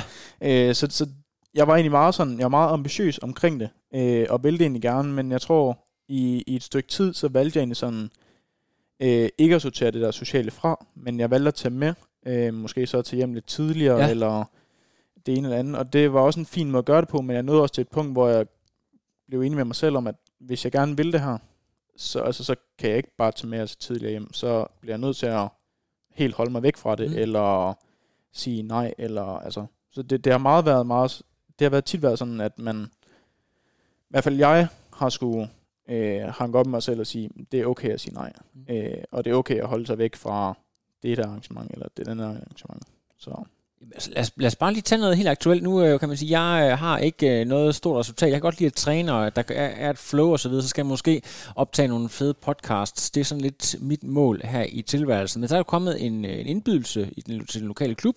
Man skal endda komme i 80 outfit. Jeg kan egentlig bare komme som mig selv. Så, øh, så er den øh, spot on. Men jeg har virkelig det der dilemma, når jeg får sådan en, jeg vil gerne ud egentlig og, og se, hvad der sker, og måske falde i god snak og så videre. Men jeg har det også sådan, at, at jeg, altså, der skal ikke gå ret meget galt, eller hvis der er nogen, der øh, råber eller skriger, så kan jeg komme hjem og være træt, og blive med at være træt i en to-tre dage, og hvis jeg kommer til at drikke et par øl, så, så ryger hele ugen. Det er sådan nogle ting, som jeg personligt er meget øh, bange for sker. Når I får sådan en indbydelse, hvad, hvad for en overvejelser har I? Så jeg ved ikke engang, om, om, om I skal med. Når du får ser sådan en indbydelse i den lokale klub, hvad hvad for en overvejelser sidder du så med? I forhold til, om, om, om det er ja eller nej? Øh, lige præcis øh, den her fest, der er det nok et kæmpe yay. Øhm, den ligger jo den ligger jo godt i forhold til off-season, mm. og der, der er taget højde for det, og når, øh, når folk som Christian Høenhav og sådan nogen kan komme og drikke, så, øh, så kan jeg... Øh, så kan jeg helt klart også. Ja. Øh, men ja, den er jo den er placeret, så der ikke er nogen, nogen stævner, og, og som Glatny selv siger, så skal man jo også have, man skal jo også have nogle, nogle tidspunkter, hvor man kan få lov til at, til at slå sig lidt løs og, og drikke nogle øl, så, så jeg tror egentlig, at det er, det er fint. Og hvad, hvad siger du, Oscar, i forhold til at lige pludselig at stå sammen med 60 mennesker, hvor øh, nogle af dem kender du overhovedet ikke, og lidt øh, awkward? Ja, altså, jeg vil virkelig gerne have været med, men jeg har desværre planlagt en tur til København øh, Ja. for, for lang tid siden. øh, så jeg kan desværre ikke komme med, fordi øh, jeg tror også, altså, den ligger meget optimalt i Mm. forhold til, at min, nu er min sæson også Mm. færdig. Øh, så jeg vil vildt gerne have været med, og, og også har, ja, kunne drikke nogle øl sammen med de andre, og, og, og hygge mig og lære nogle nye mennesker at kende. Øh, fordi det også er sådan, altså det er dem, man alligevel ser på kanten en, en mandag morgen kl. 5.50. Øh, så det er måske, jeg synes måske, det er meget rart egentlig også at vide, hvad det er for nogle mennesker, der også har det ligesom Mm. en selv. Men- øhm, så. Men øh, hvad skal man sige, rent hypotetisk, når du får sådan nogle invitationer, altså det, er- det, hvis du sådan lige, øh, det der med, når man lige åbner eller lige læser, og man står, står sådan lidt, er du så sådan en typen, der siger, hvad hedder det, øh, gerne vil lægge det til side, eller, øh, fordi det, altså jeg har det i hvert fald sådan personligt, at det sætter gang i en masse øh, ambivalente følelser, det der med, at man vil egentlig gerne, men man ved også, at det kan komme til at koste en, en masse ressourcer, der kan påvirke ens øh, uge øh, i lang tid efter. Altså, har du noget af det samme? Ja, det har jeg helt klart. Ja. Øh, altså, hvis med det samme jeg får en invitation, så tænker jeg, det kan jeg ikke. Ja. Øhm, og det er nærmest kun, hvis det ligger i min 14-dages off-season, eller pause, eller man skal sige, at jeg tænker, det vil jeg virkelig gerne. Ja. Øh, og ellers så er det meget bare sådan, "Mm, det kan jeg ikke. Ja. Øhm, og så kan det godt være, at man senere kan finde sådan et kompromis, hvor for eksempel studenterugen er Ja. et meget godt eksempel. Den ligger ualmindeligt dårlig i forhold til en triatlet-sæson. Ja. Øhm, altså den ligger på det værste enkelte tidspunkt, lige midt i sommerferien, Ja. hvor alle de store stævner, de kommer to måneder senere. Øhm, og man vil jo selvfølgelig gerne være der for alle sine studenterkammerater og alt det der, men man bliver også nogle gange bare nødt til at sige, "Jamen, det kan jeg ikke. Øh, jeg har et øh, VM om to måneder, eller et eller andet. Altså det, der bliver man bare nødt til at vælge fra, og så sige, det kan jeg ikke. Øhm, så det, det kan jo være virkelig svært, men, men som udgangspunkt, så, så siger jeg egentlig tit bare, det kan jeg ikke, når jeg får en invitation. Vi skal lige kigge lidt på, der har været nogle øh, spørgsmål. Bedste træningspas skal vi simpelthen lige øh, have smidt ud. Kær, din øh, favorit, jeg ved, du talte om lige før, at du havde at svømme til at starte med, men øh, du er blevet ret habil. Hvad, øh, hvis du øh, skal nævne dit favoritpas, og måske give, øh, give et lille tip eller to videre? Øh, favoritpas. Jeg tror faktisk, jeg snakkede med, med Morten Brammer om det her til morges, at det var, Ja. det må være, det må være sådan en god social ride, cykeltur, hvor man er ude og, ude at cykle og, og ude at cykle i en god, god, øh, god længde og kommer lidt rundt omkring og får udvidet sin horisont, fortalt nogle røverhistorier, øh, lære en ting eller to, især hvis man er sammen med nogle, nogle atleter, der har lidt mere erfaring. Det, det synes jeg er fedt. Ja. Det er nogle af de bedste minder, jeg har. Præcis sådan en, en tur til Mallorca, øh, hvor man bare kører i, uden at kigge på vand, og så bare nyder naturen og får fortalt nogle røverhistorier. Ja, glemmer at spise lidt, går lidt kold og sådan Ja. noget. Det, det er altid fedt. Det var dansk vand, og så sovepille, og så måske vågner du næste dag, og så Ja, præcis. En Bjarne Ries-metoden. Nej, panodil og en lussing, så kan man godt komme igennem dagen. Lige præcis. og det er, hov, der, der, der kommer du altså med en reference. Ja, det er vist en, det er vist en reference, jeg har hørt Fra- fra. fra. Svedbanken, kombinationen hash og lusinger, Ja, det er vist... øh, Det, det er strøm vist og bier, og hvad mere? Ej, det, Oscar, hvad, hvad synes du rigtig godt om i forhold til, til træning? Har du et øh, favoritpas? Ja, altså jeg kan jo jeg kan virkelig godt lide at smadre mig selv. Ja. Altså hvis man nu... Øh, altså de fedeste træninger, jeg har haft, det har været de der træninger, hvor man har øh, sat sig på jorden bagefter og bare tænkt, øh, jeg ved ikke, hvordan jeg skal komme hjem. Ja. Altså det... Jeg hader det, men jeg nyder det også. Øh, så altså, de bedste pas, jeg har haft, jeg tror, det har været nogle gange med løbeklubben. Øh, vi er kommet op på stadion. Vi har haft en halvanden times træning. På de halvanden time Mm. har vi måske løbet 10 km. Mm. Øh, så har vi løbet 4 gange 1000 pause 5 minutter. Fuld max. Ja. Altså, øh, til at man øh, går så koldt på den sidste, man ikke engang kan overskue at løbe den. Eller øh, en, øh, en cykeltur i øh, nede i varmen, hvor man bare kører altså 8 timer øh, fuld gas. Ej. Hvor, hvor man bare tænker, det kan ikke lade sig gøre. Det, det lyder fantastisk. Men jeg, skal, jeg lige at spørge, fordi øh, løber du med øh, klubben? De er jo begyndt at, at løbe øh, tirsdag morgen. Ja. Kan du opleve, at det kan være sværere at grave sådan rigtig dybt, når, det, når man skal løbe tidligere om morgenen i forhold til, hvis det var eftermiddag for eksempel aften? Øh, ja, klart. Ja. Øhm, øh, det er meget... Jeg har i hvert fald meget svært ved at, Mm. at lige at presse det sidste ud om, ja. om morgenen. Øhm, man kan selvfølgelig lære det, og, og også... Nu har jeg morgentrænet rigtig Mm. meget i hele mit liv. Øh, så, så jeg er blevet bedre til det, men har helt klart nemmere ved det om aftenen. Men jeg tror også, sådan de senere par år er jeg også blevet sådan mere opmærksom på, hvad sådan et, et 4x1000 all-out pas, det egentlig gør ved en. Ja. Øh, fordi man kan i princippet ende med, at man ikke kan træne i tre uger. Ja. Øh, altså, og det er måske ikke optimalt, når man har nået sådan et niveau, som jeg har. Ja. Øh, så det er jo ikke særlig tit, jeg får lov til at gøre det. Øh, men, men ja, det, øh, det kan virkelig være svært, sådan en, en tirsdag morgen, og lige at skulle grave det sidste frem. Kan vi lige sådan i fællesskab lige gennemgå, hvordan jeres, fordi jeg går ud fra, at jeres uge ligner hinanden relativt meget. Det kan godt være, også kan du alligevel træne en lille smule mere, end, øh, end Andreas gør, men altså mandag går ud fra en relativt rolig dag, måske noget morgensvømning, Jeps. ja, og så er der noget intervaller med, på tankkrogen gerne. Ja, altså øh, de øh, træninger, vi har med eliten, øh, der har vi øh, mandag morgen, Mm. øh, som er svømning, og så har vi tirsdag morgen, øh, som er løbeintervaller, Ja. øh, som enten er på tankkrogen eller på, på banen. Ja. Øh, og onsdag morgen, øh, som er et kvalitets svømmepas. Øh, så har vi en torsdags eftermiddags svømmepas, som også er, som er egentlig lidt længere. Øh, og fredag morgen svømmepas, og så lørdag svømmepas, og jeg tror faktisk, at vi er begyndt på lørdag morgen nu, hvis jeg ikke tager helt fejl.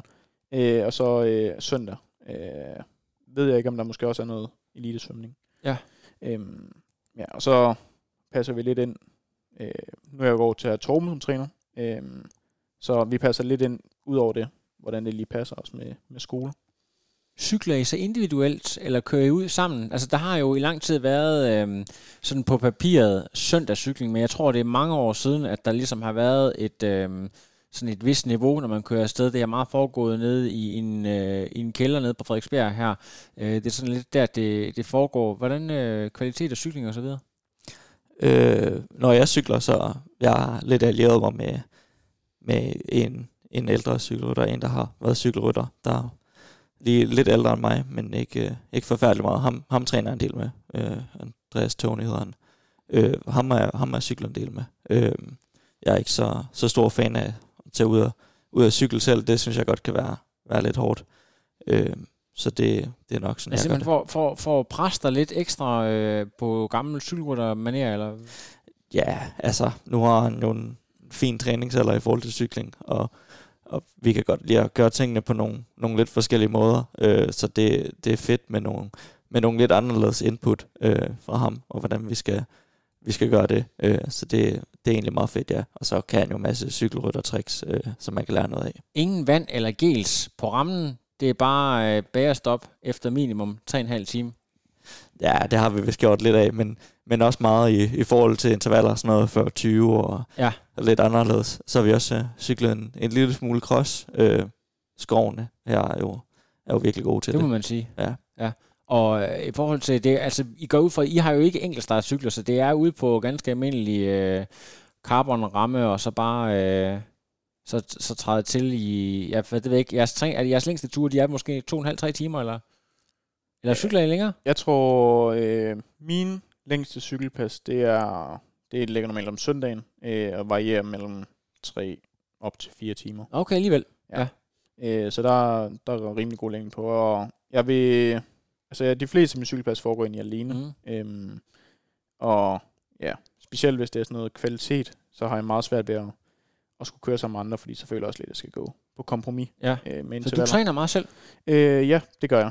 Øh, og jeg, Podcast, musik i ørerne, eller kun Oscar Øh, Glatten i ørerne? jeg har musik i ørerne. Ja. Øhm, det, øh, ja, det føler jeg, det fungerer meget godt for Ja. mig. Øhm, Har du men- fået en god rute her ved Aarhus, hvor du kan ligge og hamre?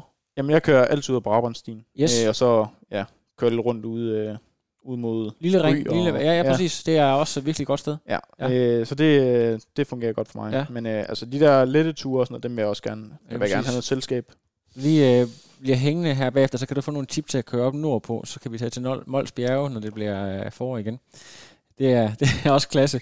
Øhm, så skal vi også lige have fat i noget, som ikke er øh, træning. Øh, jeg ved, I er sådan nogen, der elsker sådan noget, en god serie, går jeg ud fra. Det er noget af det bedste.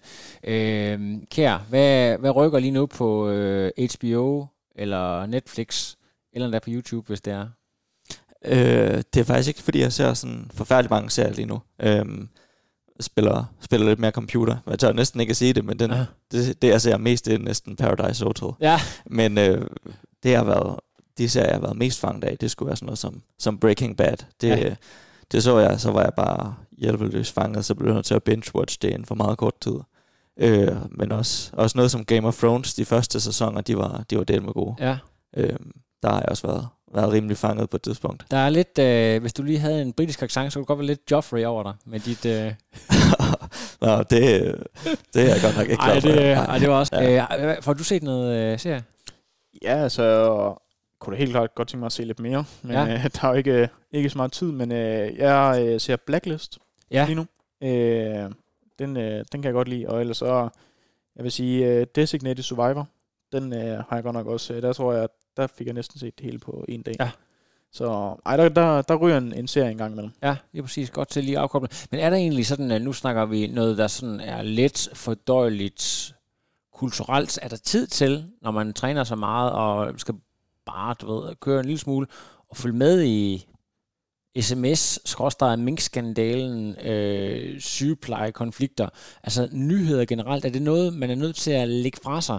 Fordi jeg kan godt nogle gange opleve personligt, at det kommer til at optage for meget tid, at det bliver for meget det der med noget, der foregår i medierne, som ikke rigtig påvirker os herude i den virkelige verden. Men selvfølgelig er det også rart at være velorienteret.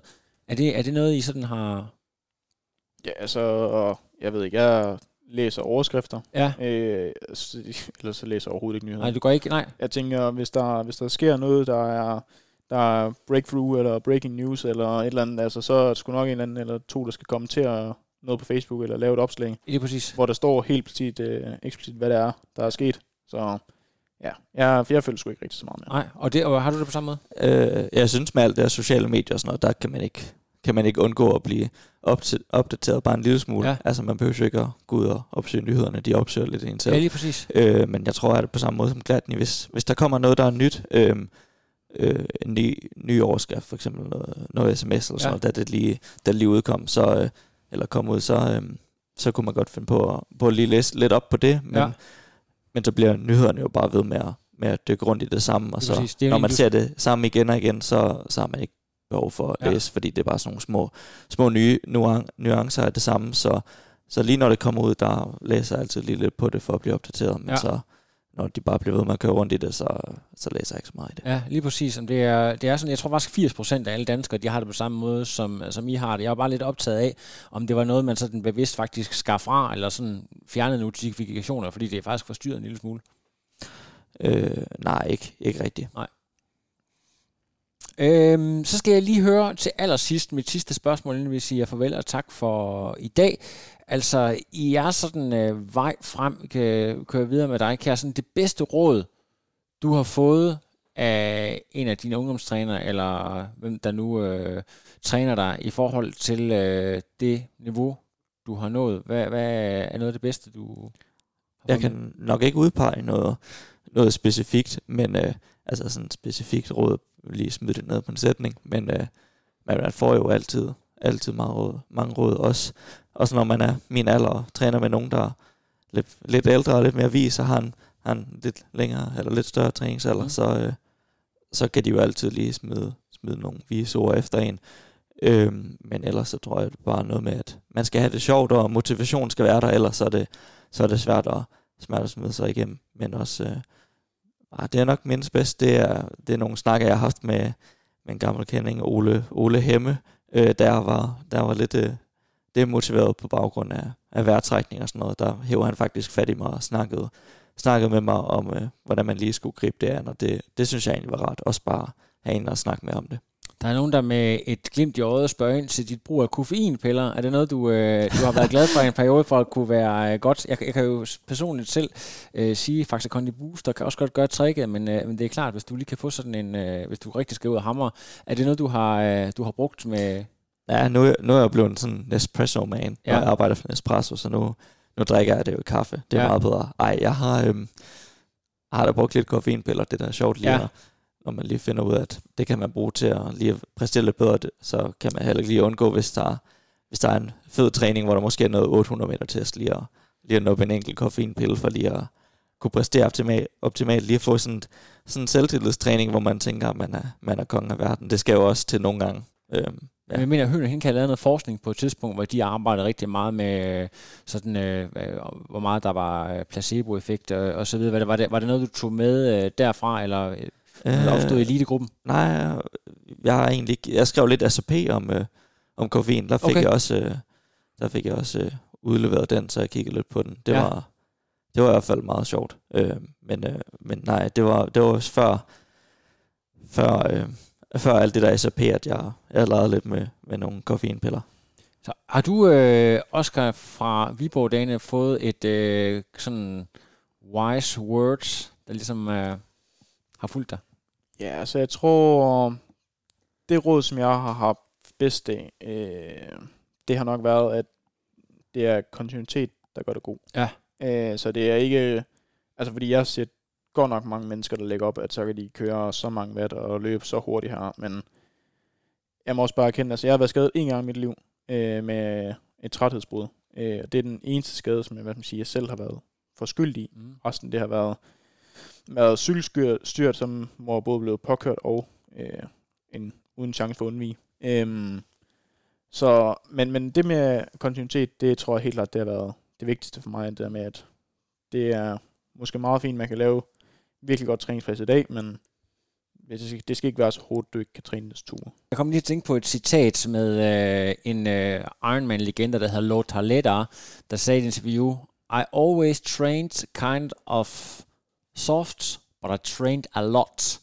Altså det der med, at det var rigtig meget mængde, og så tog han i stedet for ud og kørte en masse konkurrencer for at få de der hårde. Hvordan, hvordan er det egentlig med moderne triathlon, og der, altså, hvor I gerne vil være gode, er tendensen mere med, at man træner en stor mængde, men sørger for at ikke træne så hårdt, at, at det sådan påvirker, så man kan holde den her kontinuitet, eller er det, er det mere over mod, at man træner lidt mindre, og så skrue op for intensiteten? Hvad, hvad, hvad, hvad er det? Ja, det kommer nok an på, hvem man har som træner, og, Ja. og hvilken, hvilken træningsfilosofi den forskellige person har. Men jeg, men jeg føler, det meget, meget den her mængde af kontinuitet. Nu, har vi, nu havde jeg Torben, da jeg, var, da jeg, da jeg trænede mere, og, og du har også Torben, og det ved jeg i hvert fald, det, der er meget mængde og tærskel og tærskel og tærskel. Ja. Og er du, er du self-coach nu? Øh, ja, lige nu går jeg bare selv og, selv og leger lidt med det. Øh, så, så har jeg planer om at snart få, få træner på igen, men Ja. bare her i, den- her i opstarten, så, øh, så synes jeg, det måske var bedre at bare gå selv og, selv og lege lidt med det, og ikke føle sig alt for forpligtet. Du kommer in the grinds. Ja, præcis. Hvad, hvad, hvad tænker du sådan i forhold til ratioen øh, mængde, skråstreg, øh, Altså, jeg har altid sådan... Øh, nu har jeg måske lidt mindre tid, fordi jeg går på, på universitetet også. Øhm, men, men det er meget mængde. Ja. Øhm, øhm, jeg tror, jeg kom måske lidt fra et miljø, øh, inden jeg blev... Jeg var, først så var jeg trænet af Rasmus Stuberg. Ja, ja. Jeg blev det fra 2018. Øh, og der havde jeg egentlig været en del af landsholdet i næsten to og et halvt år, Mm. mm. eller sådan noget. Øhm, så det var egentlig ret lang tid, der gik, øh, hvor jeg ikke havde nogen træner overhovedet. Altså jeg gik bare og trænede mig selv, og men, men der kom jeg i svømmeklubben og, og følgede bare, fulgte bare deres træningsprogram. Og i, i svømning, øh, der kan det godt virke til udadtil, at det er meget mængde. Altså fordi de svømmer syv gange om ugen. Ja. Øh, men jeg tror måske også lidt, man glemmer, at på, hvis man svømmer syv gange om ugen, så er det måske halvdelen af passen, der kun er mellem 3 og 4 km. Øh, fordi det så bare er altså, helt højintens. Øhm, og i løbeklubben, der var der også bare, altså der var aldrig tærskelindsvaller. Det var altid bare VO2 max. Ja. Øh, og sprinter. Og så, så tidligere har jeg egentlig nyt meget godt af det der med egentlig bare kort, eller lav volumen og, og meget høj intensitet. Øhm, man kan så også godt se, at her efterfølgende, hvor jeg går over til mere, mere volumen og, og mindre intensitet, at, at jeg er blevet bedre på, på mange parametre. Øhm, men jeg tror, det er op til, op til personen selv at finde ud af, hvad man egentlig re- responderer bedst på. Ja. Øh, og også i forhold til, hvor meget tid man har. Ja, lige præcis. Du har måske heller ikke øh, hvad kan man sige, været i gang så lang tid. Jeg synes, no- noget, jeg også havde tænkt over, øh, jeg synes, der var interessant, det er i forhold til hele SDU-skolen. Øh, Miki Toghold, synes jeg, er et godt eksempel på en, der sådan virkelig shiner nu her. Altså, det kræver, at man har været i gang i en 7-8 år, øh, inden sådan, måske de helt store resultater, lige pludselig, når, du, når, når kroppen er så gennemtrænet, og man får hele taktikken og får det lagt på, ikke, så bang, så er den der bare ikke. Så det er jo ligesom, altså, det kommer med tiden. Ja, altså Miki er jo et rigtig godt eksempel. Han har jo virkelig udviklet sig. Det var også kun, det var det et par dage siden, hvor han delte opslag, hvor han skrev, hvad for en udvikling han har været igennem, hvor han har kørt uh, Oceanside uh, for fire år siden, uh, og har kørt 401, og nu har han kørt den igen her i år, og kørt, var det 348. Ja. Øhm, så det viser egentlig bare lidt, at hvad træningsmængde kan gøre. Ja. Øhm, fordi jeg skal også være ærlig at sige, at jeg havde da egentlig regnet med til DM Sprint, og rimelig nemt kunne slå Miki. Ja. Men man var godt nok, altså, var godt nok overrasket over, altså han svømmer jo stadigvæk hurtigt, end jeg gør, og vi cykler lige hurtigt, og så løber han lige så hurtigt, som jeg gør. Ja, lige præcis. Øh, så, så det imponerede mig meget. Ja. Øh, så, men det viser også bare, at, at hvis man som Miki, altså, han har måske ikke haft det allerstørste talent. Øh, han har virkelig, virkelig godt nok uh, trænet sin vej igennem det. Ja. Øh, og det må man sige, det nyder han godt af nu. Ja, lige præcis. Så der er, hvad- I kan bare øh, gå direkte hjem og klø på, så skal det nok, øh, så skal det nok øh, blive rigtig godt. I er jo ikke de store social media sharks, så hvis man gerne vil følge lidt med i alligevel, hvad I laver, kær, er det på øh, Strava, hvor det foregår? Øh, nej, det, det er nok desværre mest på Instagram, og der har jeg, har jeg to opslag, og virkelig dårlig til at lægge stories op, Ja. så Man er nødt til at komme til Aarhus for at følge med. ja, præcis. Så må man møde op til træning. Ja, det er godt. Ellers så, hvis der kommer et stort resultat, så, øh, så er jeg sikker på, at vi kommer til at høre om det, ellers skal jeg nok øh, formidle det videre. Oscar, du lægger en lille smule op. Du kan godt lige fortælle på øh, Facebook. Har du en atlet-page Øh, nej, det kører bare over den øh, pri- private. og på den private, ja. og du får lagt lidt op på Instagram. Ja, der, øh, der kommer tit i forbindelse med, med stævnerne, øh, hvordan det er gået, øh, og så meget, meget, meget sjældent kommer der også lidt fra, fra træning. Men øh, ellers så er det som kære, møde op, spørg mig, hvordan det går, så Ja. øh, skal jeg nok give et ærligt svar, fordi øh, det kan både være godt og skidt. Spørg for satan. Hvis I kan huske en reference. Nej, desværre. Nå, Bertel Hårder. Ja, den kan jeg godt huske. Ja, det godt noget huske. med noget risengrød. Lige præcis, og det har også været 10 år siden. Øhm, Strava, nej ikke Strava, hvad hedder det? Swift, er det noget, øh, kan man, øh, kan man møde derinde? Eller det, er- det er for soft at køre... Det kunne godt, det kunne godt ske, at jeg, jeg kunne køre lidt, uh, lidt på Swift. Jeg ved ikke, om jeg har den der go longer mentalitet, hvor man, godt, hvor man bare kan, kan kigge på en, på en hvid, hvid mur, og så finde alle de forskellige nuancer af hvid, der nu, nu findes. Øh, jeg, tror, jeg tror, jeg skal have lidt mere, mere, lidt mere underholdning, så det kunne godt være, at øh, når jeg lige får skruet, skruet et hak mere op, at jeg kunne, jeg kunne finde på at køre lidt Swift. Lige præcis. Det er i hvert fald et sted, hvor man kan komme til at lide noget så frygteligt inden øh, Oscar, så hvis du skal prøve noget Virtua Max død ved kølle, så er det derinde, det foregår. Ja, men øh, jeg er desværre type med, jeg kan ikke sidde på en home trainer. Det kan du Øh, ikke? Nej, det, jeg, Du har prøvet? jeg magter det ikke. Øh, jeg magter det ikke. Simpelthen, øh, jeg kan sidde en halv time til en time. Gider ikke mere. Nej, Altså, jeg, Ligegyldigt, ligegyldigt hvad der er foran dig. er fuldstændig meget. Ja. Jeg har både, øh, altså, jeg har både prøvet at se film, jeg har prøvet øh, Be Cool, øh, prøvet flere forskellige ting. Øh, lige meget hvad jeg gør. Altså, hvis jeg sidder og ser en film, det ender med, at jeg sidder med 50 watt. Ja. Øh, fordi jeg glemmer at lave noget, og følger bare med i filmen. Jeg, Ja. kan, ikke, jeg kan ikke koncentrere mig om to ting samme Ja, du har, øh, du, hvad hedder det, med med multitask, det er jo sådan meget, øh, det kvinderne siger, mændene, det der med deres evne til multitask, så det kan godt være, der er noget om det. Jamen, øh, det, det, det kan jeg ikke, så øh, I finder mig aldrig på Swift. Øh, I, øh, jeg cykler gerne i øh, snestorm, hvis det skal være. Ja. Så udenfor. Fantastisk. Har- har- Er du sådan en, der ejer sådan to-tre forskellige slags cykler for at kunne køre i... Øh... Ja, jeg tror, jeg har tre cykler, fire cykler. Ja. Øh, så øh, ja, vintercykel hele året. Fantastisk. Jamen, det er jo godt, der er stadigvæk er noget old school, så det ikke alt sammen bliver øh, noget, der foregår online, så øh, vi holder fast i øh, traditioner. Nu er du også, øh, Kjeld, øh, Kjeld og de andre nede fra øh, Kona Spirit, de er også meget glade for at køre ud i alt slags vejr, så det er jo øh, right up there alley. Ja. Fantastisk. Drenge, det blev en øh, rigtig god snak. Tusind tak, fordi I øh, stillede op. Kom vi hele vejen rundt? Det synes jeg. Ja, det synes jeg. Det er godt, og øh, når I, næste gang I laver et eller andet vanvittigt resultat, så kommer vi jo bare ind igen. Så laver vi en øh, follow-up. Så kan det være, at vi snakker lidt mere triathlon og lidt mere om øh, unge menneskers sarte følelser, og hvordan det er at være et ungt talent med et følsomt sind. Tusind tak, fordi I lyttede med derude. Podcasten her er optaget onsdag morgen efter træning, og øh, jeg tænker, at øh, når den er ude, så er den formentlig torsdag morgen. Så øh, tak fordi I lyttede med, og stay tuned. No, I am done. Another. But no, it's, I'm done. I have no power.